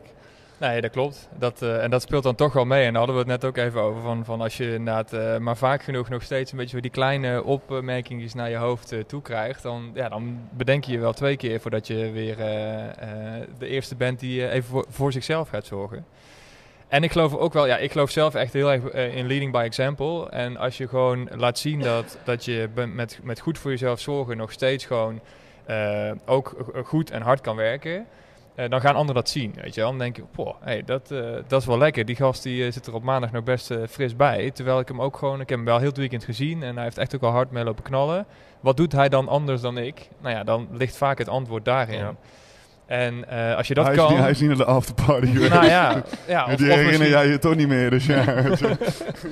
Nou ja, daar zit misschien ook wel vaak de, de, de, de crux. Ehm, maar da, da- daar ligt denk ik wel heel erg de kern. Eh, want, want kijk, in, in, in, in, in jullie industrie, zeg maar, de, de, de pieken, ja, die ga je toch blijven behouden, weet je wel. Het, het chaotische gaat toch, dat gaat blijven. Dat is gewoon inherent aan het werk. Ja. Eh, de, de, de, de veelheid aan, aan gigs of de, de, de verplaatsingen, hotels, reizen, dat eh, gaat ook als het daar eh, hopelijk allemaal weer aantrekt, dat gaat blijven. Dus het gaat erom, hoe kun je ook je belastbaarheid op een gezonde manier vergroten. Eh, en dus op tijd wel ook je grenzen stellen op het moment dat het gewoon echt too much wordt. Zodat je gewoon ja, langdurig, duurzaam dit kan doen. En daar geloof ik in dat dat absoluut kan. Maar dan moet je wel keuzes durven maken. Ja, ik ben het helemaal eens. Kijk, uiteindelijk, je moet je ook realiseren, als jij, als je echt gewoon fit bent en je zorgt goed voor jezelf, dan presteer je op 100%. Ja. En dan doe je dat acht uur per dag. Dat is prima. Maar stel je zorgt niet goed voor jezelf en je kunt maar op 60% eh, presteren, ja, dan moet je naar 13, 14 uur per dag gaan werken om hetzelfde gedaan te krijgen. Ja. En, en dan kom je dan op een gegeven moment bijna niet meer uit.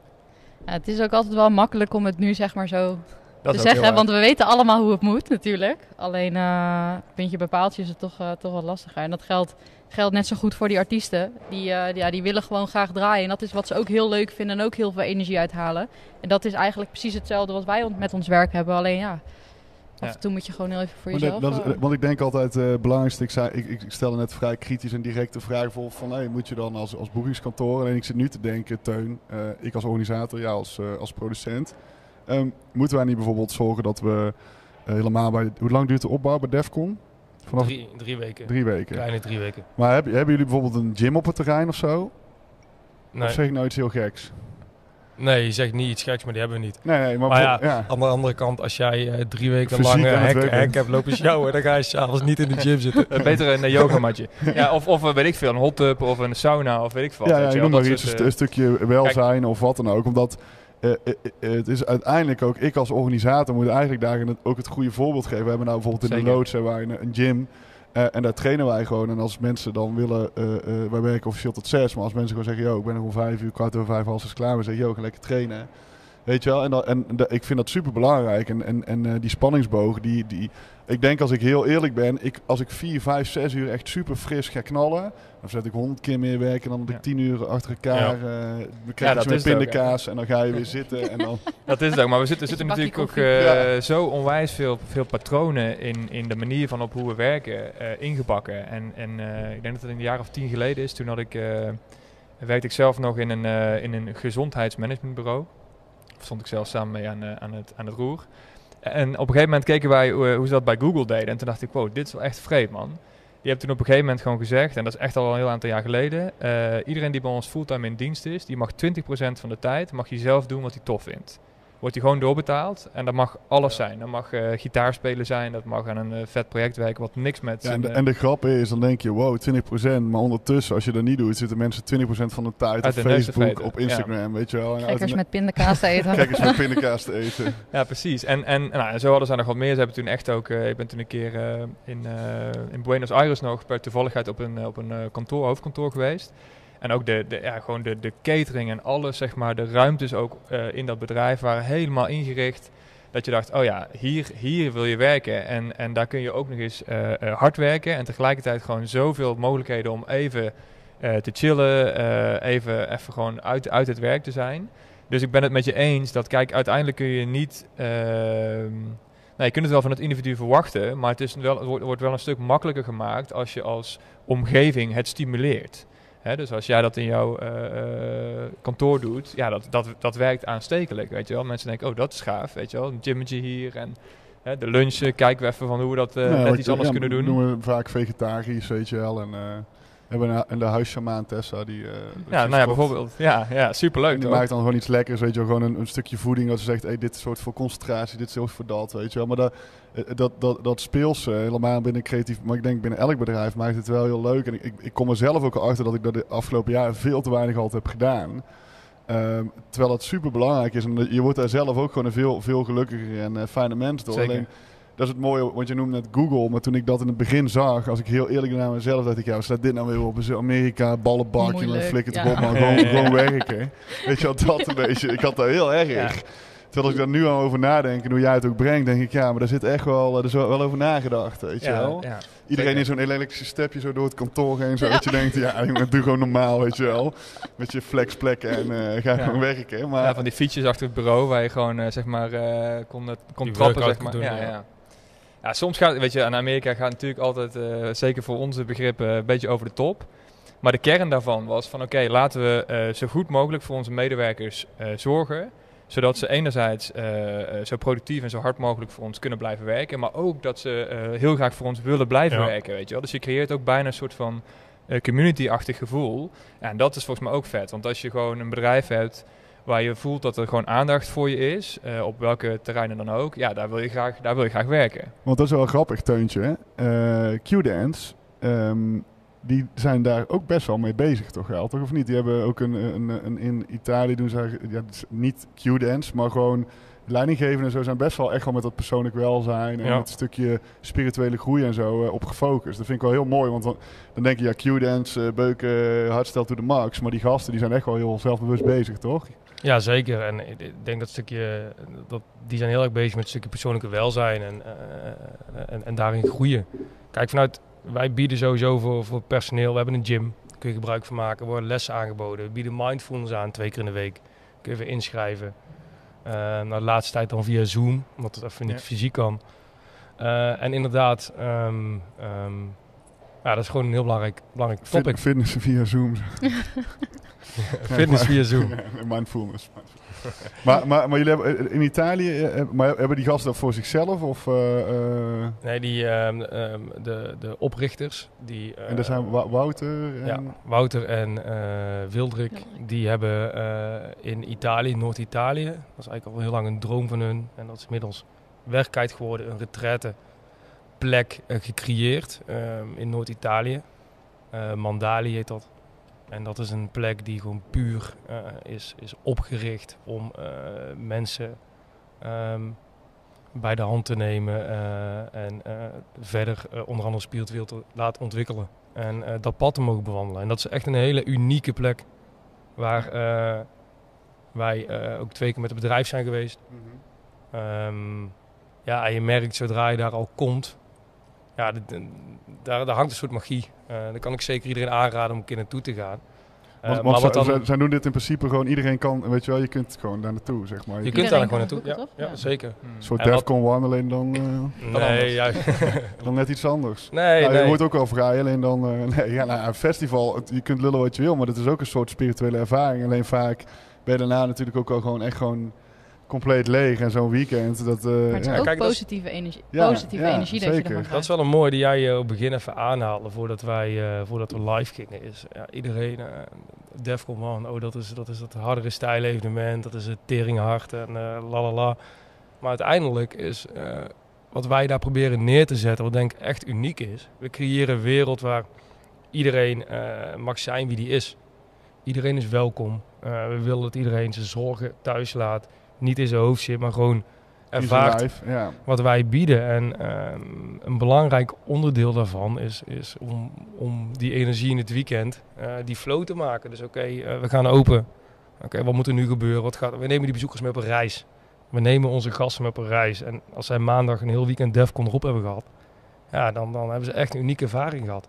Ik vind het wel heel vet, want eh, mensen onderschatten denk ik wel eens eh, hoe, eh, hoe diep je gewoon ook al bij zo'n Defcon daarop in wordt gegaan. En hoe, het is niet voor niks natuurlijk uit elkaar geklapt de laatste jaren. Want ik, ik ben denk ik bij de eerste, nee, bij de tweede Defcon ben ik geweest, vertel ik altijd. Want de eerste Defcon was RDT Radio. En toen had ik zo'n klein radiootje, toen was ik 15 denk ik of zo. en dan kochten zij zo'n FM-zender die dag, en ze RDT Radio. En ik hoorde, ja we staan hier op het strand en oh, dat zand, bla bla, Defcon 1. Nou, dan moest ik het jaar erop, moest ik daar natuurlijk ook naartoe. Alleen toen ik daar een paar jaar terug in één keer zag met dat power hour en die stages en shit. En dat ik, wauw man, dit is echt compleet gewoon geëscaleerd. Gewoon. Hoeveel mensen komen daar in een weekend? 65.000 op een dag. Ja, per dag. Maar er wordt dan een keer drie dagen. Ja. Ja. Zijn dus eh, We 180 slapen er 45.000 op de camping, weekend. wereldwijd ook gewoon echt. Ja, ook, ja. Ja. Ja, vet. En dat jullie dan dus ook zo bewust bezig zijn.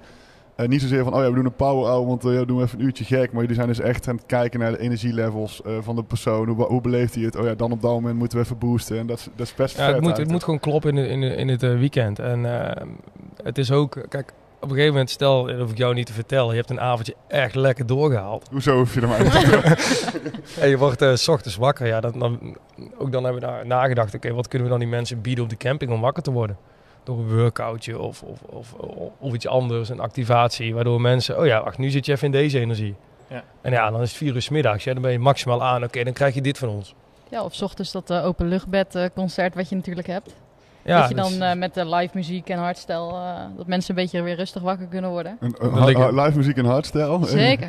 Ja, en dan ook rustig wakker worden Ja. met Ja, maar dan, dan liggen letterlijk 1500 man liggen op een eh, luchtbedje voor eh, de UV. En daar is eh, de hardstelpianist eh, is daar bezig. En dan begint heel rustig. En op het eind bouwt het tempo iets op. En mensen liggen gewoon lekker wakker te worden, op te staan in de zon. Fantastisch. Ja, dat is Ja, wel dat is even echt gek, top. weet je Ja, wel. super mooi. Ja, ik bedoel wel mooi, want natuurlijk even, we- we- wel grappig, want we we hadden het over eh, Noord- Noord-Italië en de uh, retraitekliniek naar, naar dit. Maar Ja. Maar daar, Ja. daar even op ingehaakt. Dat vond ik Ja. wel een, een tof onderwerp wat je, wat je eh, aansnijdt. Kijk, wij zijn ehm, daar geweest met het bedrijf meerdere malen. En dan kom je dus achter. Je hebt een grote groep. Ja. En ehm, sommigen in de groep die zijn ermee bezig. Die, die, die, voor hun is dat, eh, ja, hun- dat is belangrijk in het dagelijks. Ja, Ja, ja, precies. ja. Maar er zijn ook eh, andere eh, eh, mensen, ja, dat is een heel erg ver van de bedshow. En die schieten meteen in de weerstand. Ja. En eh, ja, dat, dat is wel interessant om te zien wat er dan gebeurt. Om dan Mm. toch even het bruggetje terug te maken naar persoonlijk welzijn. Ja. Eh, voor de een die floot er heel makkelijk in en de andere denkt, oh wat ben ik hier aan het doen? Ja, wat is Ga maar zweverig weg. gelul allemaal. Ja, precies dat. M- ik heb, eh, we hebben eh, normaal in de, in de bouwradio eh, hadden we dus heel veel items. Maar omdat we het nou hebben losgetrokken, gaan we echt op de inhoud. Maar één ding moesten we hier wel inhouden. En dat is onze column. hey Henk, die hebben we elke week. En Henk, Henk kennen jullie misschien wel. Henk heeft de Galderse Meer aangelegd. Speciaal voor ons om daar ploegendienst te kunnen organiseren. Is dit de Henk? Dit is de Henk, De ja. Henk. En Henk doet, ja, die deed eigenlijk elke week voor onze gast even een kort stukje.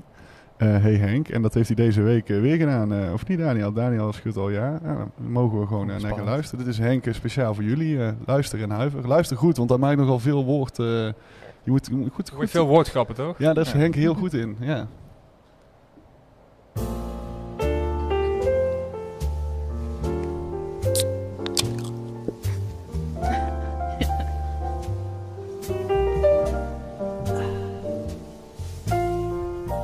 Hey Henk, nieuwe week, nieuw weekend. Lekker. Ik voelde al dagen nattigheid dat dit wel eens een mooie kon gaan worden. Na maanden van onrust lijkt corona langzaam maar zeker weer bier te worden. En lijkt het ritme van de nacht nu weer echt terug te keren. En dat met het kortste nachtje van het jaar in het verschiet. Vandaag zitten hier drie musketiers aan tafel. Claire, Angarde, aanpakker. Loopt al jaren mee in het evenementenland en is een enthousiaste spring in het veld. Ze is ooit begonnen met het in de watten leggen van artiesten. Gelukkig is ze niet nog steeds manager. Beklom de rots en staat nu aan de top van een van de bruutste hardstyle boekingskantoren Platinum. Want goud, zilver of blond is niet genoeg voor haar. Teuntje Schilders, geen rare kwast. Hij begon zijn carrière ooit aan de NTV. Normaal eindig je dan als floormanager in de Lidl. Maar voor Teun geen schappen zonder vak, maar onontdekt vakmanschap. Deze smartass flikt het om met zijn gruwelijke talent om te zetten in kunde. Hij voelde zich welkom bij Wink en na wat stuiterballen in Haghorst werkte hij zich via QGens op tot production manager bij Defcon. Wat je met ballen al niet kan bereiken. Voor iedereen met enigszins voortschrijdend inzicht, Teun Kapteins. Wat krijg je als je in je kam laat liggen? Als je links om tuin kijkt zie je Teun. Hij is gek op amfibieën, niet bang voor een opkikker en met al zijn wijze lessen geschikt om hier anderen mee te coachen. Zonder zwaartekracht had hij waarschijnlijk door de lucht gevlogen. Niet te hoog en niet te laag, maar lekker tussen de mensen. Een van de meest liefdevolle, energetische, fijne en vriendelijke gasten die hier aan tafel kon hebben. Het geluk zit hem in die van de ander. Teun vindt met Authentic Artist de uitgelezen manier om zichzelf en de ander te kunnen geven wat hij of zij nodig heeft. Laat er geen misverstand over zijn. Ik denk dat het hele festivallandschap blij is en mag zijn met deze fijne mensen en soortgelijken die het stukje bewust- bewustzijn bespreekbaar maakt en verspreidt. Alles waar je op focust, groeit. Pils. Pils. Pils. Voor nu, Henk in der. Houdoe, Henk.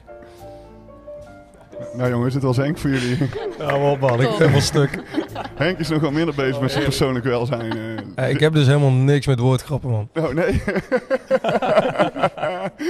Oh, heerlijk. Oh.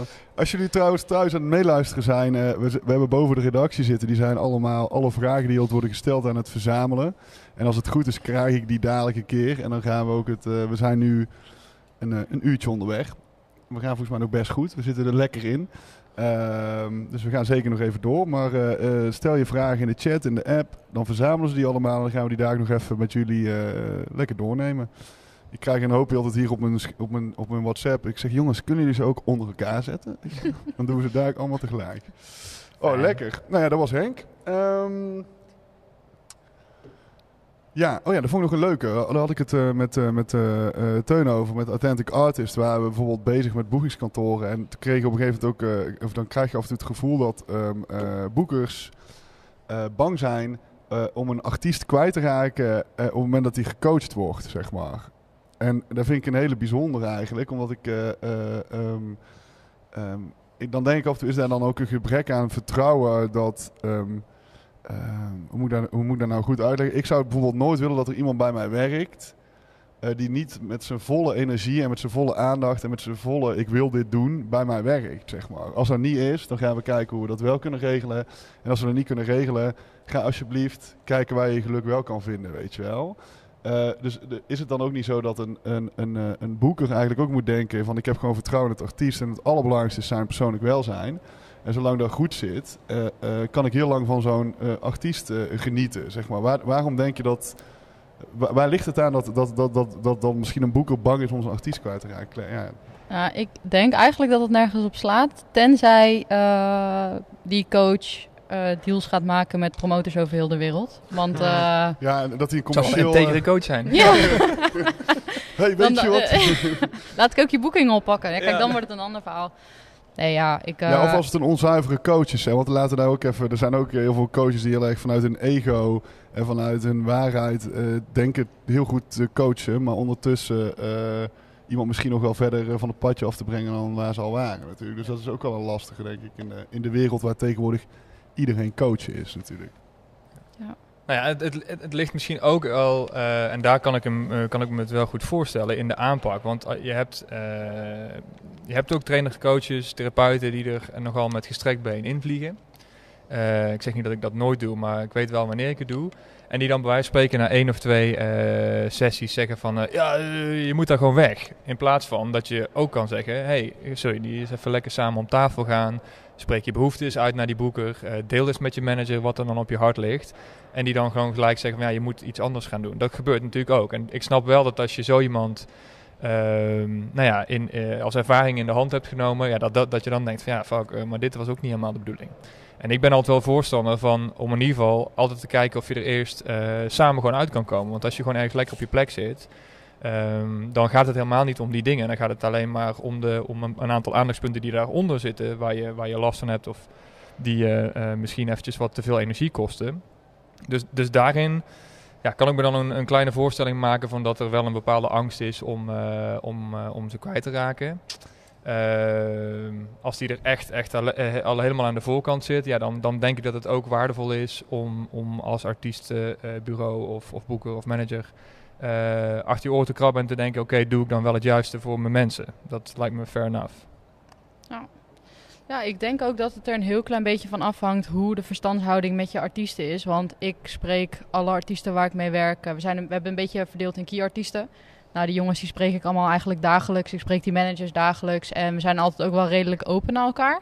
En mocht er echt iets spaak lopen in überhaupt de samenwerking... Kijk, je moet het wel allebei willen. Eh, anders dan schiet het natuurlijk ook niet erg op. En eh, ja, als er dan iets dwars zit of iets niet goed gaat... dan moet dat dialoog gewoon aangegaan worden om het eigenlijk weer beter te maken. En ja, natuurlijk heb je ook wel eens met managers gesprekken van... joh, misschien moeten we toch iets anders voor ze invliegen. En ja, ik denk dat er maar weinig coaches of therapeuten of wat dan ook zijn... die zeggen van je moet weg bij je agency. Want kijk, een, een boekingskantoor doet boekingen eh, in overleg ook met de artiest. Je bepaalt de strategie en die ga je dan aan. Eh, ja, dat hoeft niet per se bij een andere agency beter of minder goed eh, Ik- te eh, kiezen gaan, kiezen jullie de managers of kiest de artiest wie die, door wie die gemanaged wordt? Of hoe Dat zit doet de dat? artiest.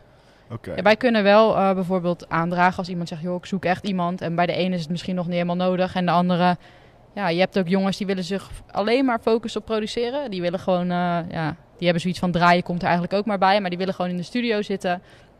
En die willen dat verder alles voor ze geregeld wordt. En sommigen die hebben eh, ja, meer alleen een soort tourmanager idee. Dus Ja. ja. het verschilt eigenlijk wel een beetje. Maar in principe is het aan de artiest of ze een manager nemen en wie dan. En, en Ja. die jongens die willen produceren, worden die, want dat zag je bij Avicii al. Ik dacht altijd, dat is echt zo'n zolderkamerartiest. Die tering goed kan produceren, maar die eigenlijk helemaal niet op het podium wil staan. In ieder geval niet in de, in de, in de veelvoud dat hij nu doet, zeg maar. Die zou je eigenlijk moeten zeggen, eh, maak, eh, produceer zoveel je wil. We brengen het uit en eh, drie keer per jaar laten we jou voor een miljoen ergens staan. En dan heb jij je ding wel weer gewoon gehad, weet je wel. Ja, ik, ik denk ook dat als je echt dat kaliber bereikt. Kijk, je hebt, dat geldt ook in de pop. Als je gewoon als je zo groot bent en zoveel geld verdient, dan gaan er zoveel mensen mee gemoeid zijn. En ja, ja je ziet het ook met eh, ook gewoon met popsterren. Eh, dat zelfs gewoon vaders, bij wijze van spreken, de, de kind nog verkopen omdat er geld aan te verdienen valt. En kijk, wij hebben best wel een verstandshouding. Ik direct met de artiest, ik met de manager. Dus dat gaat wel een beetje in een driehoek. Maar als Avicii heeft waarschijnlijk nooit iets met zijn boeker te maken gehad, alleen met zijn manager. Die zal ertussen hebben gezeten. En als die ook puur geld heeft geroken, ja, dan kan het wel gewoon op die manier misgaan. Alleen, ja, dat is nog weer een iets ander kaliber eh, dan dat wij, denk ik, in zitten. En je hebt alsnog, eh, ja, je hebt best wel jongens die op een gegeven moment zeggen van ik wil even een maand niks. En dan doen we even een maand niks. En we hebben een artiest gehad, dat heeft niks met persoonlijk welzijn te maken. Maar meer met eh, gewoon productieskills en hoe hij eh, het voor zich ziet om te werken. Dus gewoon toewerken naar een album maken. Die heeft gewoon gezegd ik wil een half jaar lang geen boekingen. Dan denk ik, ja, dat is best wel apart eigenlijk. Maar ja, als hij dat wil en eh, zijn album wil uitbrengen en iets exclusiever wil gaan, nou ja, dan wordt dat de nieuwe koers van die artiest. Ook al gewoon vet, als, dan kun je uiteindelijk marketingtechnisch ook juist super vet, eh, dat ze fans weer zitten te wachten. Vet, Zeker. als zijn een soort van band. Oh, de straaljagertje komt even over. Zo. Dat is wel vet hoe je die over de koptelefoon hoort.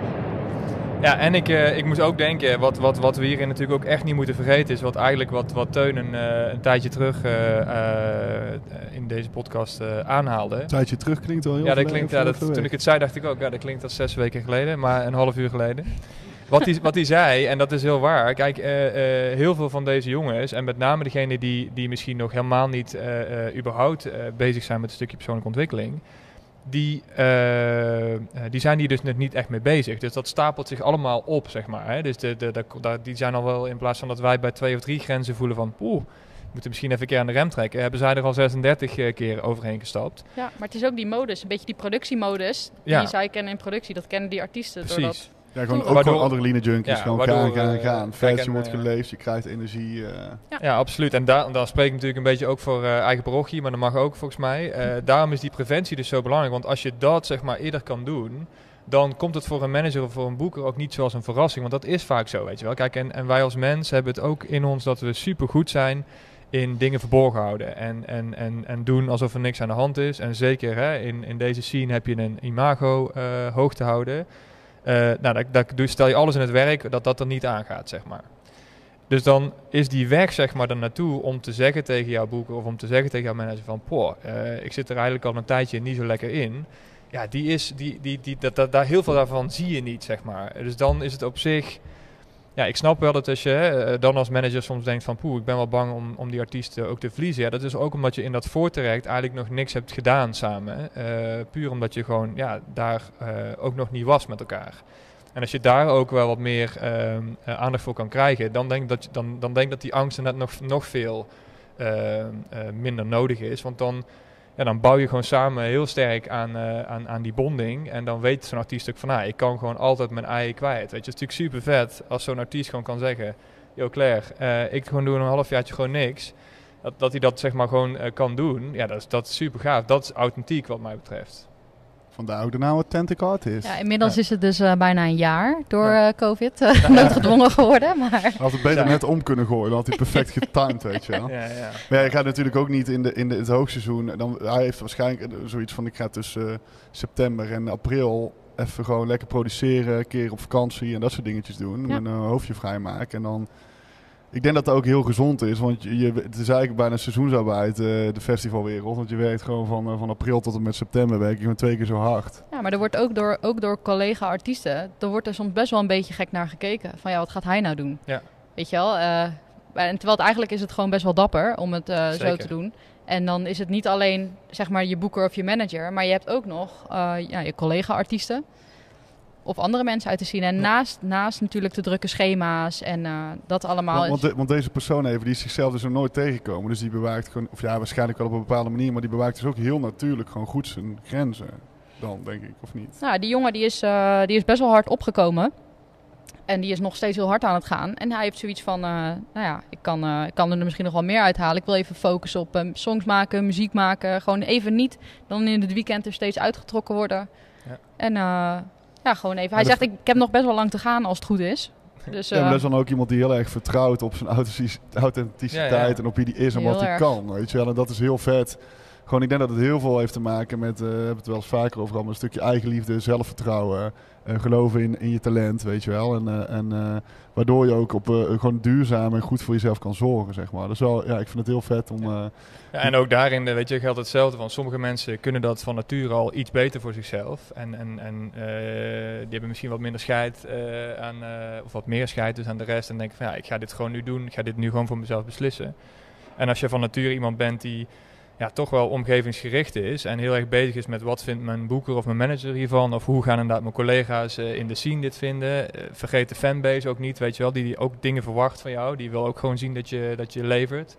ja, dan, dan, dan wordt het een wel een pittigere klus en een, en een, eh, ja, een, steviger robbertje zeg maar, om uit te vechten voordat je die keuze uiteindelijk voor jezelf kan maken. Ja, er zijn ook gewoon boys die zeggen in de zomer van ik wil echt alleen de weekenden, door de week absoluut niet.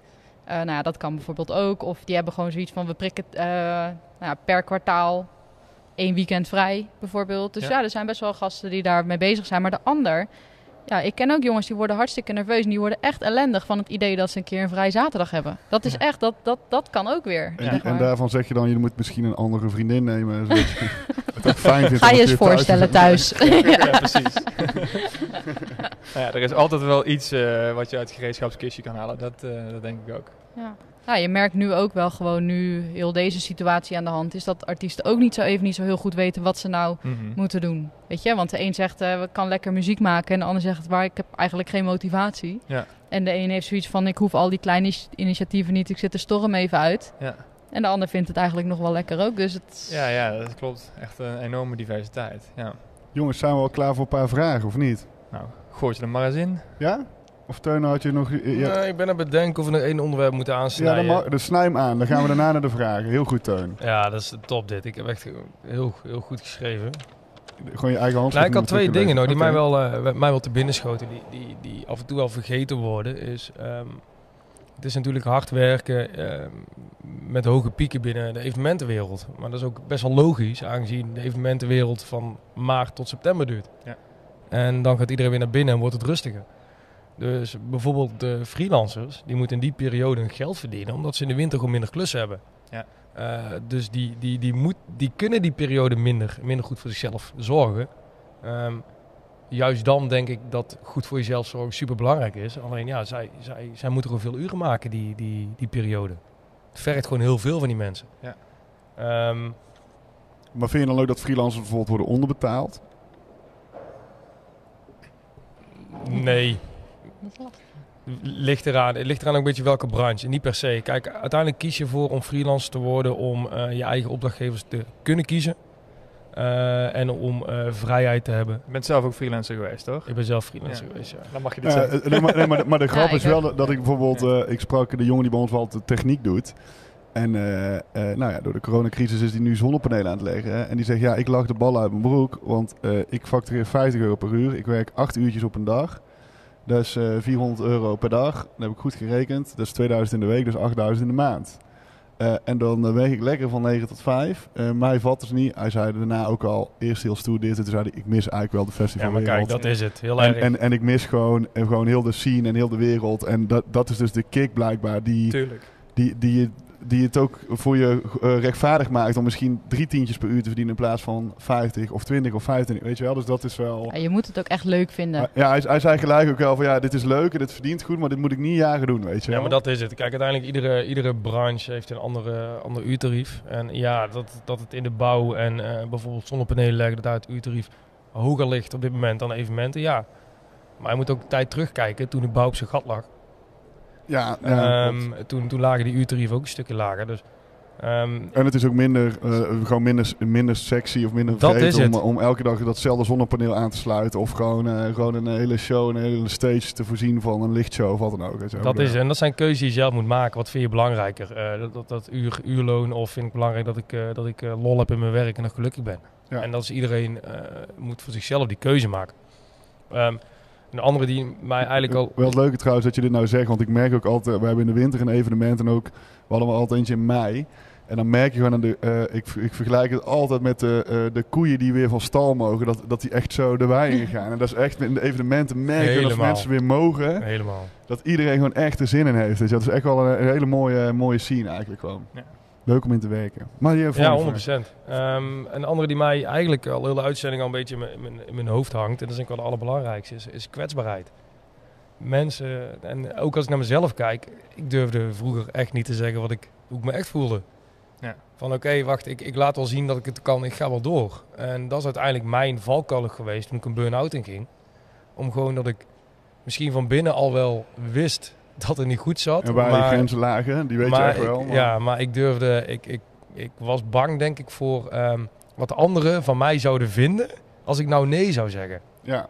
En eh, ik denk dat nog wel echt een heel belangrijk en heel herkenbaar topic is voor heel veel mensen.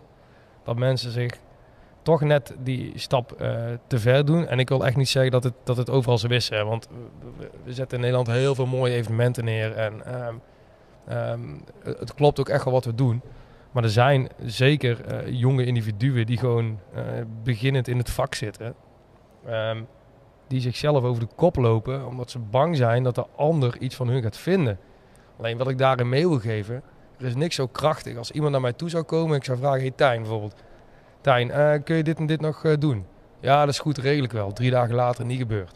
Ja. Of ik vraag het en jij zegt tegen mij, ja Teun, ja, ik weet het niet. Het is, oh, het is echt eigenlijk allemaal heel erg veel. Ehm, eh, ehm, hoe, hoe zullen we dit gaan aanpakken? Dan denk ik bij mezelf, ja, kijk, jij snapt het. Maar ik regelde het wel altijd. Ja, jij regelt wel. Ja. Maar dat als voorbeeld, weet je. Je, je Ja. kunt beter aangeven wat je wel en niet kunt, wat je grenzen zijn. Dat is oh zo waardevol voor ik- daar ligt, iedere evenement te weer- maken. Heel vaak eh, wordt, wordt kwetsbaarheid nog eh, parallel gelegd aan zwakte. Terwijl het juist eigenlijk een kracht is. Als je, 100%. En dat is, dat is Het is, ook vooral taboe. het is vooral eerlijk zijn naar jezelf en naar je omgeving. En eerlijkheid is volgens mij iets heel moois, weet Ja. je wel. Dus, eh, Ja. Maar het klopt wel wat je zegt, kwetsbaar is, oh je bent zwak. Ja. En aan de andere kant eh, ben ik het, eh, ik ben het zeker met je eens. Alleen dat komt ook omdat wij de generatie zijn die dan ook daadwerkelijk... eh, ik heb volgens mij bij jou nog een keer een Fest in Amsterdam gedraaid. Stond je om, om half zes ging je wekken, zat je om zes uur in de auto. Stond je om zeven uur, half acht op het terrein, ging je om acht uur bouwen. De eerste drie dagen doe je dat tot acht uur s'avonds, ben je rond half tien thuis. Op donderdag kom je om drie uur s'nachts thuis. En op vrijdag kom je eigenlijk op het uur thuis dat je normaal opstond. En eh, iedereen zei, maar morgen moet je er wel bij zijn. Want dan is de show, dat is super vet. En dan sliep je drie uur en dan ging je naar de show. En dan ging je nog drie dagen afbouwen. Inderdaad, omdat je die drang voelde om daarbij te zijn. En daarin, ik vind daar ook wel iets moois hebben. En, en, eh, ook- dat is misschien dan Ja. weer een heel ouderwets wat ik zeg. Maar het is ook een stukje karakter en ook een stukje ehm, discipline. Want aan de andere kant heb je ook alweer een samenleving die eh na drie uur werk al eh, eh, gaat zitten. We hebben ze af en toe maak ik mee. Dan denk ik denk van, hè? Meen je dit nou? Weet je wel, ja, kan je gewoon een schop onder je reet gebruiken. Weet je wel? Dus dat, ik vind dat een Ja. hele moeilijk. Want vanuit jouw mond neem ik hem 100% aan. Maar ik deel, weet hoe ik hard deel, gewerkt ik deel altijd, precies wat jij zegt, Tijn. En begrijp je niet verkeerd. We moeten echt niet met z'n allen op ons reet gaan zitten. Alleen wat ik wel aan wil geven is, ja, tuurlijk, wat jij zegt hoort erbij. En dat doen we nog steeds allemaal wel eens. Die, dat zijn die pieken. Alleen eh, bewaak je eigen grenzen. Ja, Daar gaat het mij 100%. meer om. En eh, ja, dat je af en toe 15, 16 uur moet werken, dat iets af moet. Kijk, dat evenement moet open. Dat kunnen we niet een dag uitstellen. Ja, dat hoort er ook bij in deze wereld. En dat is ook alweer de charme en het sexy ervan. Laat ik. ik, laat ik hem zo stellen. Als, ik hem, als we hem dan even vanuit de zachtheid benaderen, dan bedoel ik eigenlijk meer te zeggen dat af en toe ook heel veel mensen door hun angsten en door hun onzekerheden hè, denken dat ze heel veel niet kunnen. Dus af en toe is het ook heel lekker om over je ehm, onzekerheden heen getrokken te worden. En wel een keer die 12 uur te maken. Heel veel mensen die heel erg bezig zijn met zichzelf vinden het veel moeilijker om te doen.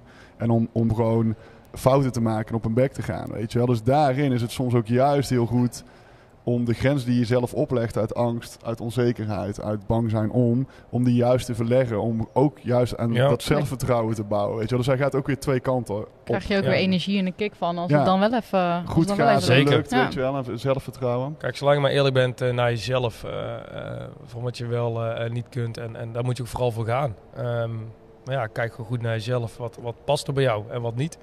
En daar moet je gewoon altijd eerlijk in zijn. En dan kom je verreweg het verst. Ah, Ja, je moet ook voor onze scene denk ik wel een beetje uit een bepaald hout eh, gesneden zijn. Mhm. Je moet wel En je moet het ook zijn. echt leuk vinden. Als je het echt leuk vindt, dan kan je wel blijven gaan. Ja. Het is niet helemaal de bedoeling af en toe, maar ja, het, is ook wel, het hoort er ook wel een beetje bij natuurlijk. Zeker. Daarom zijn we allemaal verliefd geworden op dit vak volgens mij. Ja, zeker weten. En, en het voelt nog steeds voor mij echt gewoon oprecht niet als werken. Ik doe, eh, weet je wel, dus dat is, dat is het tofste. En zolang je dat, niet het idee hebt van, eh, oh ja, ik ga naar mijn werk toe, Mhm. dan, eh, dan, eh, dan is het dat een heel fijn gevoel. Mooi punt, Teun, dankjewel. En, eh, en eh, ja, dan gaan, gaan we gewoon even gaan we naar de... Oh, wacht, even kijken. eh, Oh, daarom zat je altijd op je telefoon. Ja, ja, ja, ja. Niet omdat ik niet geïnteresseerd was in jullie, eh Teun. Wij begonnen al te twijfelen. Ja, ja, ja. Ehm, Vond hij het toch een beetje zwak? Moet ik de tijd nog opvullen of niet? nou, ja, dan ma- ja, Doe eens een anekdote. Laat, Nou, ik laat ik wilde- eens- laat ik- eens ik een scheet door de microfoon. Nee, dat, dat durf ik niet. Nee, dat durf ik eigenlijk wel, maar dat hoef ik niet. ik wil eigenlijk nog wel één ding ook eh, nog zeggen. Wat, wat ik ook wel vet vind is wat we eh, in wat we nu doen, zeg maar, wat we nu bespreken. En waar voor mij eh, zelf ook zo de kern ligt. Kijk, het, het, het toffe is dat als dit, zeg maar, eh, in de industrie, of het nou op de vloer is bij een productie, bij een boeker, eh, bij jou op kantoor of eh, ook als je show gaat draaien. Ehm, als er gewoon meer eh, bewustzijn komt, eh, als er meer ruimte komt voor, voor je kwetsbaar mogen opstellen, eh, als mensen hun behoeften kunnen delen, hun grenzen kunnen aangeven, ja, dan heeft dat gewoon altijd een positief effect op de lange termijn. En wat ik zelf heel vet vind, en dat is ook voor mij persoonlijk een van de redenen geweest waarom ik ook dit met artiesten wilde doen. Artiesten hebben natuurlijk een fanbase. En als je als artiest ook kan laten zien van hé, hey, ik zorg goed voor mezelf, ik neem mezelf serieus, mijn job is topsport, uh, ik zorg dat ik gewoon goed uh, uh, mezelf onderhoud, dan heeft dat ook een effect op de mensen die jou volgen en die naar jouw shows komen en die naar jouw festivals komen om jou te zien.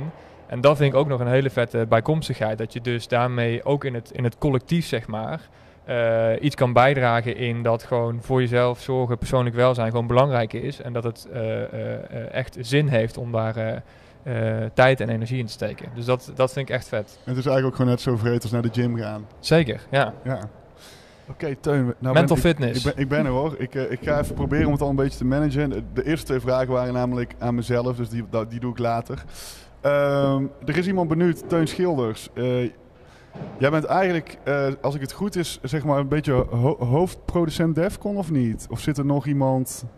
Nee, ik ben uh, officieel... Dat was niet de vraag, maar dat is om de vraag in te leiden. Productiemanager Defcon. Dus dan ben je eigenlijk gewoon uh, verantwoordelijk voor die ene productie met een team onder je. Ja, die ene productie, maar gewoon dus voor heel Defcon. Ja. Ja, oké. Okay. Uh, dus er vraagt iemand... Um, hoe bepaal je voor jezelf als je zoveel verantwoordelijkheid draagt? Want uiteindelijk is de... Heel de productie, dus dat heel de Defcon wordt opgebouwd en er staat en weer netjes wordt afgebroken. Uh, als daar iets gebeurt, hoe dan ook, op een gegeven moment komen ze bij jou en zeggen ze: Teun, uh, wat de fuck is hier aan de hand? Zeg maar. En hoe ga je om met die verantwoordelijkheid daarin? En hoe zorg je ervoor dat je af en toe ook daarin op bepaalde punten kan zeggen: eerst even mezelf op de eerste plek en dan mijn werk? Ja, hoe kijk, bewaak je die? Uiteindelijk, um, heel cliché, maar alles, alles zit echt in een hele goede voorbereiding en een heel goed team. Uh, 90, 95% van de gevallen die voordoen op de vloer. Kijk, in die end, je hebt een planning, ideale thuislijn, wijk je altijd vanaf. Je hebt invloeden van weer en alles. Maar doordat je een goed team hebt, die tackelen gewoon 95% van alle gevallen.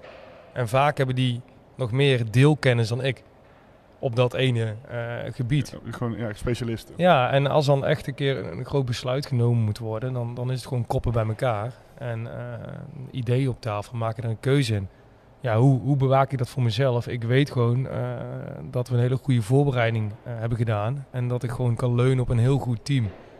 Uh, waardoor, waardoor ik weet dat we eigenlijk alles aan kunnen en alle keuzes kunnen maken die we moeten maken. En volgens mij blijf je ook altijd wel redelijk rustig naar je team, of niet? Ben je als Ja. echt, echt een keer goed, goed boos geworden? Of? Mm, vast wel ooit, maar dat zit niet echt in me als persoon. Nee. Ik, uh, als ik echt, echt boos op iemand erna denk ik mezelf, ja, waarom schiet ik nou zo in mijn slof? Ja. Maar um, nee, ik ben, ik, ben, ik ben zeker rustig. En ik vind het heel belangrijk dat, uh, dat iedereen uh, lol heeft. En dat zeg ik ook altijd tegen, tegen het team als we Defcon aan het doen zijn. Ja, je moet gewoon heel hard werken, maar vooral ook heel veel lol maken en lachen. Want dan kom je echt tot de mooiste producten. Ja. En ja, dat, dat, dat lukt ieder jaar aardig. Tof. Gijs Mensen vraagt, kunnen we kaarten kopen voor de eerstvolgende editie van Ploegendienst? Uh, snel, maar we hebben nog een, een, een, een, een, een noem je dat, een uh, sneak preview of zo. Ja, we hebben nog iets moois in petto in ieder geval, dus we gaan snel nice. weer, uh, ja, ja, maar da, nu wordt het echt heel spannend. ja, ja. Oh, fijn, ik hou het niet meer. Jamie Kormans, het allemaal. Wat is hetgeen waar jullie het meest naar uitkijken om weer te doen op het moment dat je je volledig je expertise meer, weer mag uitvoeren? Claire, beginnen bij jou. Waar heb je het allermeeste zin in? Ja, dat is een goede vraag. Ik, uh, ik zou het echt uh, grandioos fijn vinden om gewoon al die agenda's weer helemaal uh, vol te knallen. En van al die administratieve, juristische, ja, hoe heet het? heel die romslomp af te zijn. en ook dat gewoon heel team weer loopt. En um, ja, gewoon heel veel boekingen bevestigen. Want nu is het echt een beetje, beetje behelpen met af en toe een drive-in show in Duitsland. Ik wil gewoon weer, gewoon weer resultaten halen en lekker op tour. Ik zag net op Instagram dat ik vorig jaar deze tijd net een tour Korea, China en Australië achter de rug heb. Dat soort dingen zou ik ook alweer willen doen. Vet.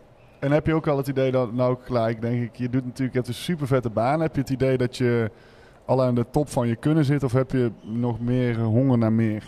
Ik heb altijd honger naar meer. Ja?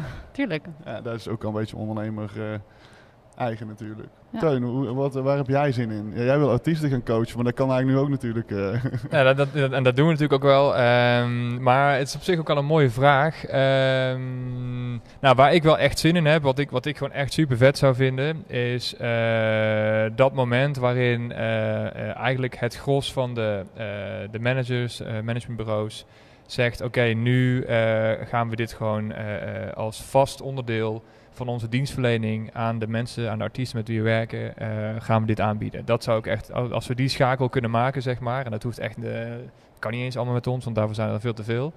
Eh, maar als we die schakel kunnen maken en als ik daar eh, vanuit Authentic Artist mijn bijdrage in kan leveren, dat zou ik echt super vet vinden. Eh, en dan, eh, ja, dan is onze missie ook wel redelijk geslaagd, denk ik. Lekker. En jij, Teun? Schilders? Ehm, dat wij weer evenementen mogen geven. Ja. Gewoon met, z'n- met de werkschoenen in Pak je, de nou, klei. pak je nou mijn antwoord al? Nee, gaf. Ja, nee, alsjeblieft. ja, wij kunnen hetzelfde antwoord geven. Maar dat is gewoon met z'n allen, met z'n allen weer naar buiten en, eh, en, en, eh, en bouwen. En eh, misschien heel corny, maar die... De crew catering. Twee weken hetzelfde eten achter elkaar. Ja, niet Ja, dat zeg je één dag, zeg je Ja, dat. maar dat soort, dat soort hele cliché dingen, dat, dat, dat, wat echt vanzelfsprekend was, dat mis je nu. Ehm, Maar ook gewoon weer even duizend mensen bij elkaar zien. Ja, dat, dat, dat, dat is denk ik wel, daar zat ik net heel erg, aan te, eh, heel erg over na te denken. Ik, ik eh, hunker bijna naar gewoon eh, bij elkaar, naast elkaar, Ja. met elkaar. Feesten. Ja, weet je wel. Gewoon, eh, ehm, gewoon, en helemaal nu, gewoon natuurlijk supergoed, coronamaatregelen. Oh, eh, even ingrijpen en dat is helemaal tof. Maar ik heb wel echt zoiets van, jongens, met diezelfde snelheid als dat we nu dat allemaal in gang hebben gezet, mogen we nu ook gewoon wel het lef hebben om te kijken om dat wel weer na- naar een goed punt te draaien. Want als we hierin blijven hangen, eh, dan, dan, dan vind ik dat heel, eh, dat lijkt me heel eng. Want in mijn hoofd is het Ja. serieus al best wel voorbij, zeg maar. In mijn hoofd, alleen dan denk ik, ja, maar de overheid is nog niet waar ik ben, zeg maar. En En volgens die mij voelen- nog wel een paar maanden achter. ja, maar volgens mij voelen heel veel eh, mensen dat met mij. En eh, eh, ehm, ja, ik, ik hunker gewoon weer dat ik denk, jongens, kom op. Als ik nu kijk naar de statistieken, het is super kloot, het is heel erg. Maar laten we alsjeblieft ook gewoon weer het, het normale leven een beetje gaan oppakken met elkaar. Zodat we in 2021 ook echt gewoon met een fijn gevoel naast elkaar staan te feesten, weet je wel. Maar goed, ja, mooi. Eh, Claire, wat was je gaan doen als je niet in de festivalsector zou gaan werken? Nou, ik wilde eigenlijk een hele andere kant op. En dat is eh, public affairs. Ik wilde eigenlijk iets van lobbyist eh, worden in die richting. Dat was mijn allereerste idee. En lobbyist in welke zin? Want dat klinkt voor mij nog vrij breed. Volgens mij kun je heel veel dingen lobbyen. Ja, klopt. Klopt. Ik wilde gewoon voor een heel groot bedrijf eh, eigenlijk gewoon eh, dingen regelen. Daar komt het eigenlijk op neer. Waarom, dat is wel een grappige, want wij hebben het hier dus wel over gehad. De evenementensector, eh, onze sector, heeft echt een zwaar groot gebrek aan lobbyisten in Den Haag. Echt een zwaar groot gebrek. Er zitten er wel één geteld, volgens mij. Maar als je gewoon kijkt naar de Koninklijke Horeca Nederland en zo, die hebben dat zo op slot zitten. Daar zijn ze echt mee bezig. En we, we missen echt wel gewoon een, een bredere lobby in Den Haag. Dus Claire, ik zou naast je aan bij eh, Platinum nog even gewoon eh, ook gaan lobbyen voor de evenementen. Dat cool. Ja. Lobbyen, wauw, dat vind ik wel... ik, eh, Apart, hè? Wauw, allemaal. Eten jullie liever Zaanse mayo of Calvé mayonaise? Dat is ook wel belangrijk. Want we hadden, Zaanse, 100%. je had het net over die crew catering, maar bij ons is een crew catering niet geslaagd als er geen Zaanse mayo Zaanse, is. ja, Ja, ja. Jij ook? eh? St- Sterker nog, ja, ik eet, eh, ik eet dus 90% eh plant-based, maar Zaanse heeft ook plant-based, dus eivrije mayonaise. vegan mayonaise. En het is echt bizar hoe goed die smaakt naar de echte Zaanse. Ben je nou ondertussen ook reclame aan het Ja. maken Nee, ik, Voor vegan ik, heb- mayonaise? ik, ik heb voor eh, Plan B? Oh, plan B. plan B in Breda. Die eh, hebben ook plan B. ik vind het wel geniaal dat deze vraag eh, Nou, de podcast heeft gehaald. Ja. dit, dit is eh, eh, een... eh, een eh, je had het net over kwetsbaarheid staat. Tijn, je zei dat je voor je dertigste jezelf een keer goed tegenkomt. Op welk moment ben jij jezelf een keer goed tegengekomen? Nou ja, je kunt beter vragen, op welke momenten niet? Nee. nou ja, ik ben mezelf wel, eh, ehm, ja, wel meerdere malen tegengekomen. Ik heb een tijd echt super veel last gehad, ook altijd van mijn darmen. En dat is natuurlijk ook gewoon, eh, als het hebt over gevoel. En, eh, en, en daaruit volgend, omdat het jarenlang duurde en omdat ik niet echt een juiste prognose kreeg... eh, heb ik ook al een tijd echt gewoon wat burn-out-achtige paniekaanvallen, pleinvreesachtige dingen gehad. Ik denk ro- rond mijn 2, 3, 24ste of zo. En toen kwam ik uiteindelijk, dat was nog de grootste grap van alles. Ik, had, ik heb echt alles pad gelopen. En toen kwam ik bij een voedingsspecialist. En die zei, je moet misschien eens dit gaan eten. En na twee dagen kon ik gewoon normaal naar de play. Was er niks meer aan de hand. Dus ik heb drie jaar lang een soort van van de, van de westerse medici gehoord van... Ja, het zit waarschijnlijk tussen je oren. Weet je, want toen zei diegene, stop nou eens met suiker eten met dit, dit, dit en dit. En toen, kon ik, toen was er niks meer aan de hand. Dus dat is voor mij wel, heeft heel veel impact gehad. En ik heb zakelijk ook wel, eh, eh, ik ben daar vaak eh, veel te goed van vertrouwen en naïef geweest ook in het verleden. Dus daar heb ik mezelf ook al af en toe goed gestoten. Alleen, ik denk dus, ik ben dus iemand, ik, ik vind het altijd heel mooi als je zegt van, ik kan heel goed van nature mijn grenzen. En dan hebben we wel eens met een coach zo, ja, ja, nou ik nog niet. Ik ben gewoon iemand, ik weet gewoon van mezelf, gelukkig nu wel minder, maar ik heb ook gewoon echt harde lessen nodig om dingen te leren, weet je wel. Dus gewoon, ja, ik moet gewoon hard mijn kop stoten en dan denk ik, oh ja, je bent gewoon te goed van vertrouwen, idioot. Of uh, ja, gewoon dat, harde lessen. Is dat misschien iets mans eigen dan, omdat wij alle drie... Uh, weet ik niet. Nee, weet Nee, dat is bullshit. Oké, okay, ja, vind ik nou bullshit. Ja, ik, denk, ik, ik, denk dat het, dat het is denk ik bullshit, maar ik denk wat geen bullshit is, dat, dat je over het algemeen uh, als man nog wel een, een, een, wat grotere stap hebt te zetten in echt het omarmen van kwetsbaarheid of, of uh, je, je, gevoel. je gevoel überhaupt toelaten. Daar ja. zit nog wel een grotere drempel. Dus de, de build-up die wij hebben zeg maar, als mannen van emoties en van shit die niet geuit wordt, die is vaak nog wel groter. Cool. Ja. Teuntje Schilders, wat was voor jou het keerpunt dat je dacht, nu weet ik hoe ik voor mezelf moet zorgen? Nadat je dus zeg maar die burn-out had gehad, dat je dacht van oké okay, man, dat je echt voelt, nu krijg ik dus grip op hoe ik mezelf, met mezelf om moet gaan, zeg maar. Om te zorgen dat ik nu niet weer hier daar terecht kom. Ik denk dat dat de vraag is. Zeg maar. Ja, dat was uh, acht, negen jaar geleden of zo, de burn-out. Um, ging bij jou ook gepaard met, uh, met, uh, met voetbal Ja, ik had een bal achter mijn hoofd gehad. Dus ja. dat was eerst een whiplash. Nou, op een gegeven moment, drie weken, was mijn Engels niet zo goed meer. Best wel vaak. Um, en uiteindelijk weer gaan werken, maar te snel. En toen ben ik een burn-out ingeleden. Maar gewoon, ja, ik kon al die prikkels niet aan. Maar wat is daarin veranderd? Kijk, ik had daarvoor had ik al wel de interesse in, in, in, in uh, mindfulness. En, uh, maar ik, dat, dat kwam niet op mij. Ik las een boek, ik snapte het niet. Ben ik die burn-out ingegaan. En tijdens het einde van die burn-out ben ik gaan lezen. Onder andere het boek wat, uh, wat jij mij gegeven ja, hebt. Tijn. Van Osho, ja. Fuck, ja Osho moet je echt... O-S-H-O, super vette boek. En, en, en toen raakte mij dat heel erg. En toen dacht ik, ja, dit, dit is belangrijk voor mij. En vanaf toen ben ik eigenlijk meer op mezelf gelet. Uh, s ochtends mediteren... Um, nou, voeding, maar dat is heel erg ups en downs bij mij. of ik druk ben nee, of ik, niet. Ik vind het net wel heel mooi, want jij kwam ook binnen en ik zei van... Nee, we kunnen daar ook al een biertje op tafel zetten. Toen zei nee man, ik drink even niet. En toen hadden wij precies exact dezelfde raakvlakken. Dat we gewoon zeiden, af en toe spreken we gewoon met onszelf of we doen dat niet. Want uh, je glijdt steeds vaker dan van jezelf weg. En je ja. gaat dan nog harder eigenlijk drinken. En in de weekenden nog meer op zoek naar die ja. rush.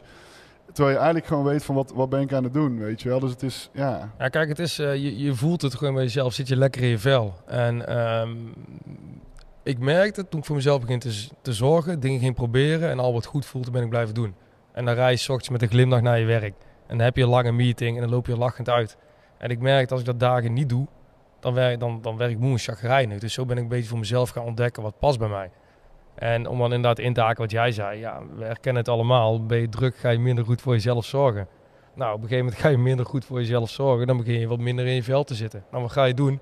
Nou, nog meer daarvan weglopen en nog slechter voor jezelf ja, zorgen. Gewoon ongezond eten. Ja. Oh ja, ik ga wel even iets bestellen. Weet Precies je wel, dat. Gewoon, ja. En op een gegeven moment uh, is dan even zo'n punt. Ja, oké okay, jongens, even tot hier. Even weer uh, terug en een beetje contact komen met mezelf.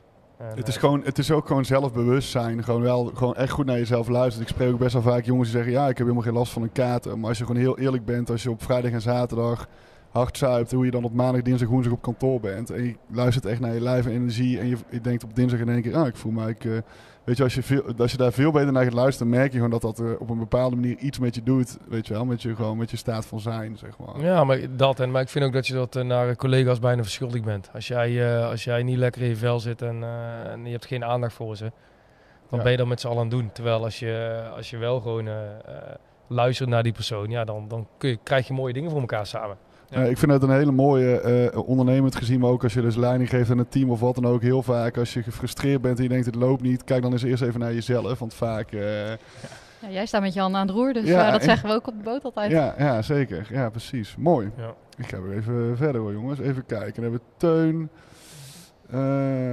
oh, Tijn, hoe neem je verantwoordelijkheid voor iets dat je niet kent? Nou ja, wat ik daarmee bedoel te zeggen, wel leuk dat dat wordt gezegd is dat je dus als persoon dat niet kan doen. Alleen dat anderen die bepaalde fases wel al hebben meegemaakt, eh, verantwoordelijkheid voor jou voor een deel kunnen nemen.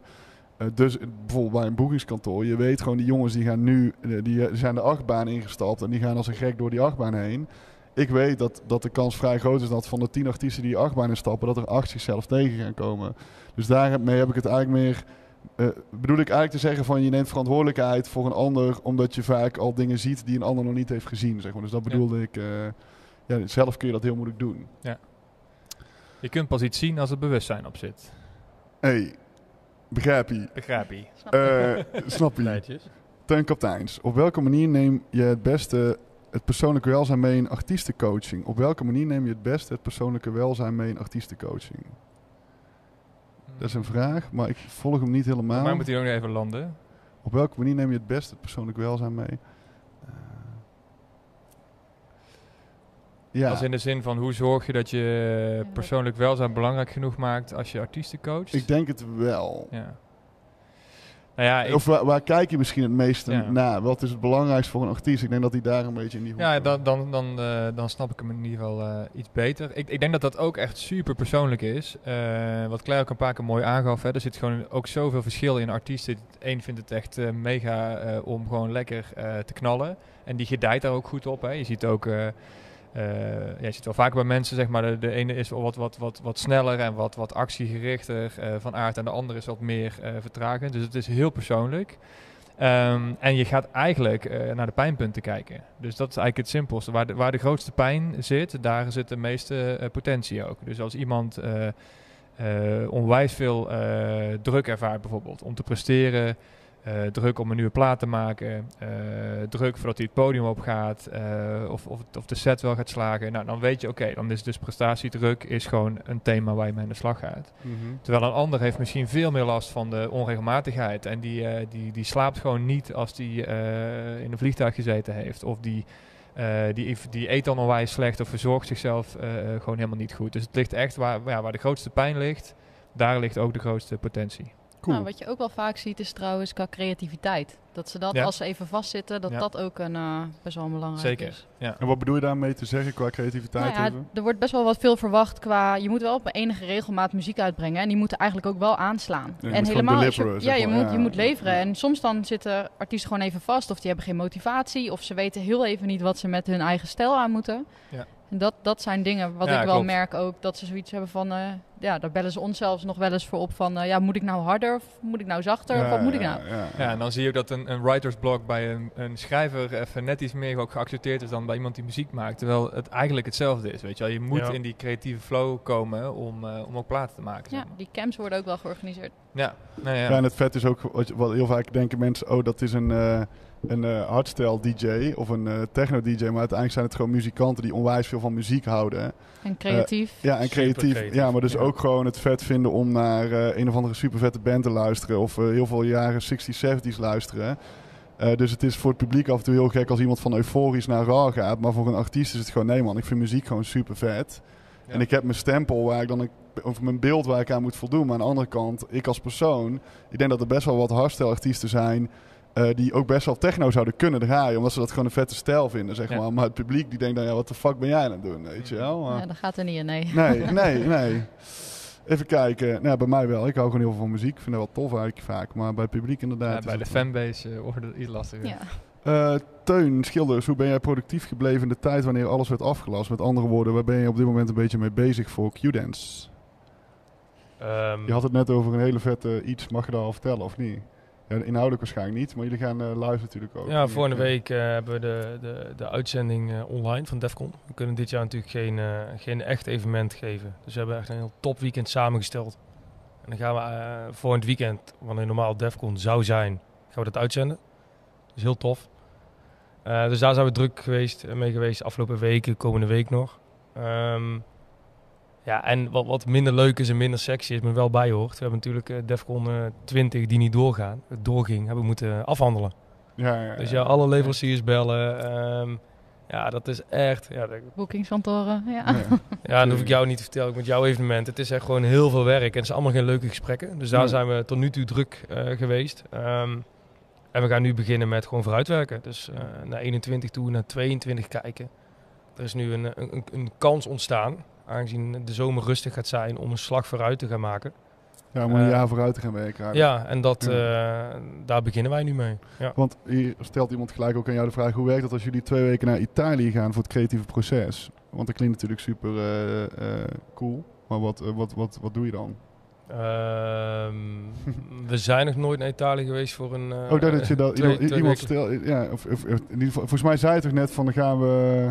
Nee, we, hebben, we zijn daar met het, eh met het bedrijf vaak naartoe geweest. Eh, maar we sluiten ons wel af en toe op voor een eh, creatief proces. Oh. Maar oh, je gaat niet echt voor de, je gaat niet voor de inhoud van een festival naar Italië toe. Daar zijn wij er niet. nee. Ah, oké, Nee, dat- nee. zo begreep ik hem ook een beetje. Maar dan, dan ga je echt voor je persoonlijk welzijn naartoe. Ja, ja. Daar wordt niet over, ja, daar wordt natuurlijk over werk Ja, gesproken. kijk, als je daar met je collega's zit, komt werk altijd te sprake. Ja. En we- werk is een belangrijk onderdeel van je leven. Dus er Ja. zijn zeker wel topics. Ehm, maar wij sluiten ons wel eens op eh, met, met een groep inderdaad om gewoon een, een concept te bedenken voor een evenement. En eh, dat te gaan vormgeven. En dan is het heel goed om even op een afgezonde plek te zitten. Los van eh, je dagelijkse kantoorplekje. Om eh, geïnspireerd te raken, ja. Eh, nou, Teun, hebben we nog eentje voor jou. Wat is je grootste fuck-up die je hebt meegemaakt tijdens je werk? Ha, waar zullen we beginnen? Ehm, wat is mijn grootste fuck-up geweest? Kak, moet ik echt even nadenken, joh. Oh, daar kom ik zo op terug. Laat me even inzinken wat mijn grootste is. Die, die eh, komt zo snel niet boven Ja, je mag ook gewoon de top 3 doen. Ja, een hele goeie.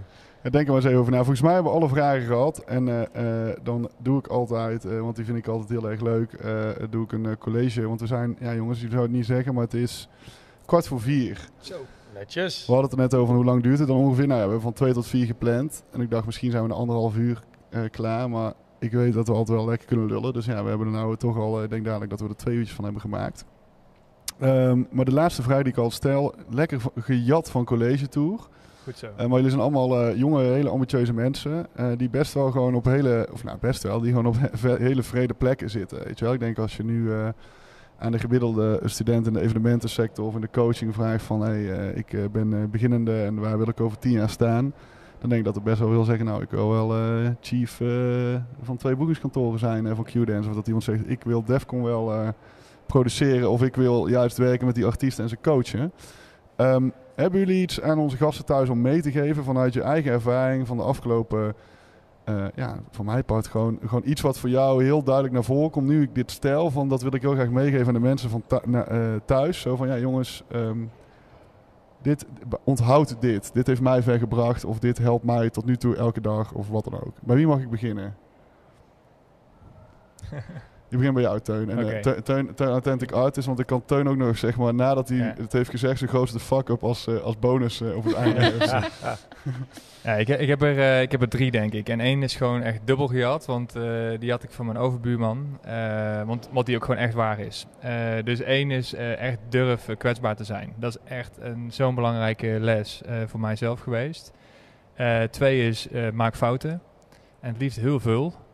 Eh, we zijn Dat echt is een hele mooie. we zijn zo opgegroeid in een maatschappij waarbij je eh, eigenlijk geen fouten mag maken of waarbij we denken dat we worden afgestraft op eh, fouten. Nou, jij mag dadelijk je fuck-up eh, nog delen met ons. met trots. met trots. Maar ja, met trots, weet je, want Ja.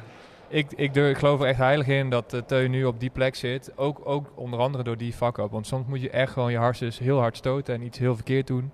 Eh, daar word je slimmer van, daar word je verstandiger van, daar leer je van, daar ontwikkel je je door als mens. Dus het is heel goed. Eh, en de laatste is eigenlijk, eh, en die pas ik zelf ook nog eh, met enige regelmaat toe, blijf in beweging. En daarmee bedoel ik letterlijk ook in beweging blijven. Ik heb hetzelfde als, als Claire bijvoorbeeld. Als ik een week niet sport en dus letterlijk ook niet in beweging ben, ja, dan merk ik gewoon dat ik gewoon minder goed in mijn vel zit. Maar dat ik ook een minder fijn persoon ben. Een minder fijn persoon ben als coach. Een minder fijn persoon ben thuis. Een minder fijne vader ben. En, en alles minder fijn ben. En ik geloof echt dat, je, dat we het als mens nodig hebben om eh, in beweging te blijven. En niet alleen fysiek, maar eh, dus gewoon dingen blijven doen, dingen blijven ondernemen. Eh, ook als je er een keer gewoon slecht je bed uitkomt, gewoon iets gaan doen en lekker in beweging blijven. En daar zit echt onwijs veel kracht. En dit is wel een hele mooie, hebben wij vaker genoemd in de, in de podcast al. Ja. ik, denk dat, ik denk dat heel veel ondernemers misschien die ook herkennen. we- Weet je, iedereen, Wetenschappelijk zo bewezen zelfs dat mensen op een ongelukkig zijn als ze alleen thuis zitten en niks doen. ja, ja. Dan denk je Dan altijd kom je in je, ja. je downward eh, spiral, zeg Ja. maar. En dan... eh, hè? Nou, dan gaat mijn leven. Oh, met, eh, Oh, oh. Ja, dus dat zijn... eh, nou, ik heb er drie. Dat eh, zijn voor mij de belangrijkste, denk ik. Top, dankjewel. Claire. Nou, je moet vooral eh, doen wat je heel graag wil. Wat ik heb gedaan is, bij mij is het zaadje eigenlijk geplant op Hardbase. Eerste grote evenement en ik dacht, heel veel gaan feesten. En ik dacht, wow, je zou hier maar aan meewerken. Nou, toen ben ik afgestudeerd, voor mezelf begonnen. En ik heb als doel opgeschreven om binnen vijf jaar zo'n groot event als in de Gelredome. Ik had geen idee, want ik had helemaal geen ervaring in de evenementen. Wat, Eh, wat om- is jouw achtergrond dan even gewoon? Daar hebben we het helemaal niet over gehad. Maar je hebt niet op de NTV of zo gezeten. Nee, ik heb communicatie gestudeerd. Oké, en ik twijfelde dus nog, ga ik po- politicologie studeren? En ineens ben ik in het evenementenwereldje gezogen. Dus en toen eh, was Vet. dit allemaal gebeurd. En ik heb dat opgeschreven en ik ben dat gewoon gaan doen en ik was er binnen een jaar. En eh, ik heb overal ja tegen gezegd. Ik heb echt op podia gestaan met hele grote bands. En ik heb riders voor mijn neus gehad dat ik echt dacht, eh, ik heb geen idee hoe dit gaat bolwerken, Ja. maar het is wel gelukt. En zo met heel veel goede mensen eigenlijk in aanraking gekomen. Dus je moet gewoon elke kans pakken. Als je het echt wil, en gewoon heel hard werken en even doorbijten. En eh, ja, er gewoon voor gaan. En ook dat je.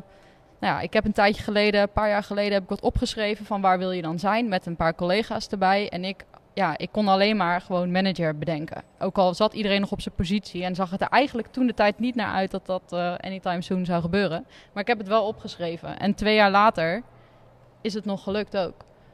Dus ik denk als je iets, eh, dat is altijd mijn drijfveer geweest. Dat je als je het echt leuk vindt, dan moet je dat gewoon doen en er alles voor geven.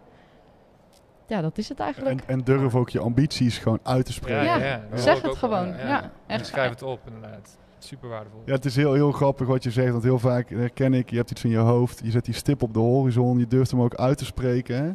En vaak ben je er sneller dan dat je zelf Ja. dacht, zeg maar. Ja. Nou, Teun.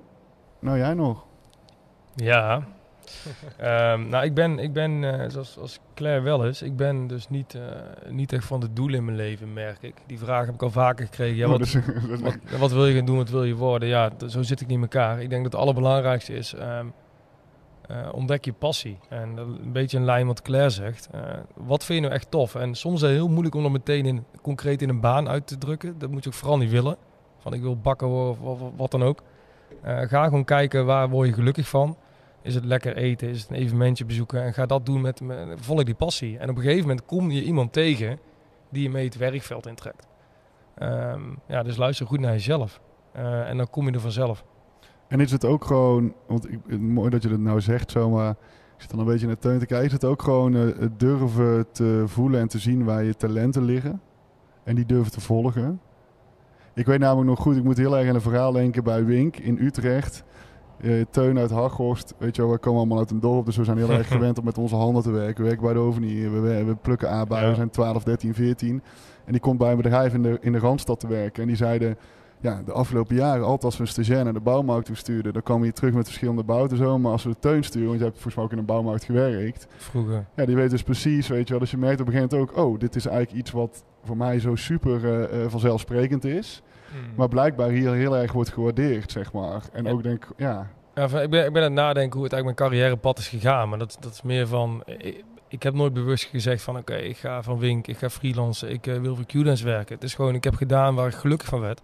En eh, daar, daar vonden mensen mij goed in. ja, dat is tof. En eh, door dat te blijven doen zijn er steeds nieuwe mensen op mijn pad gekomen.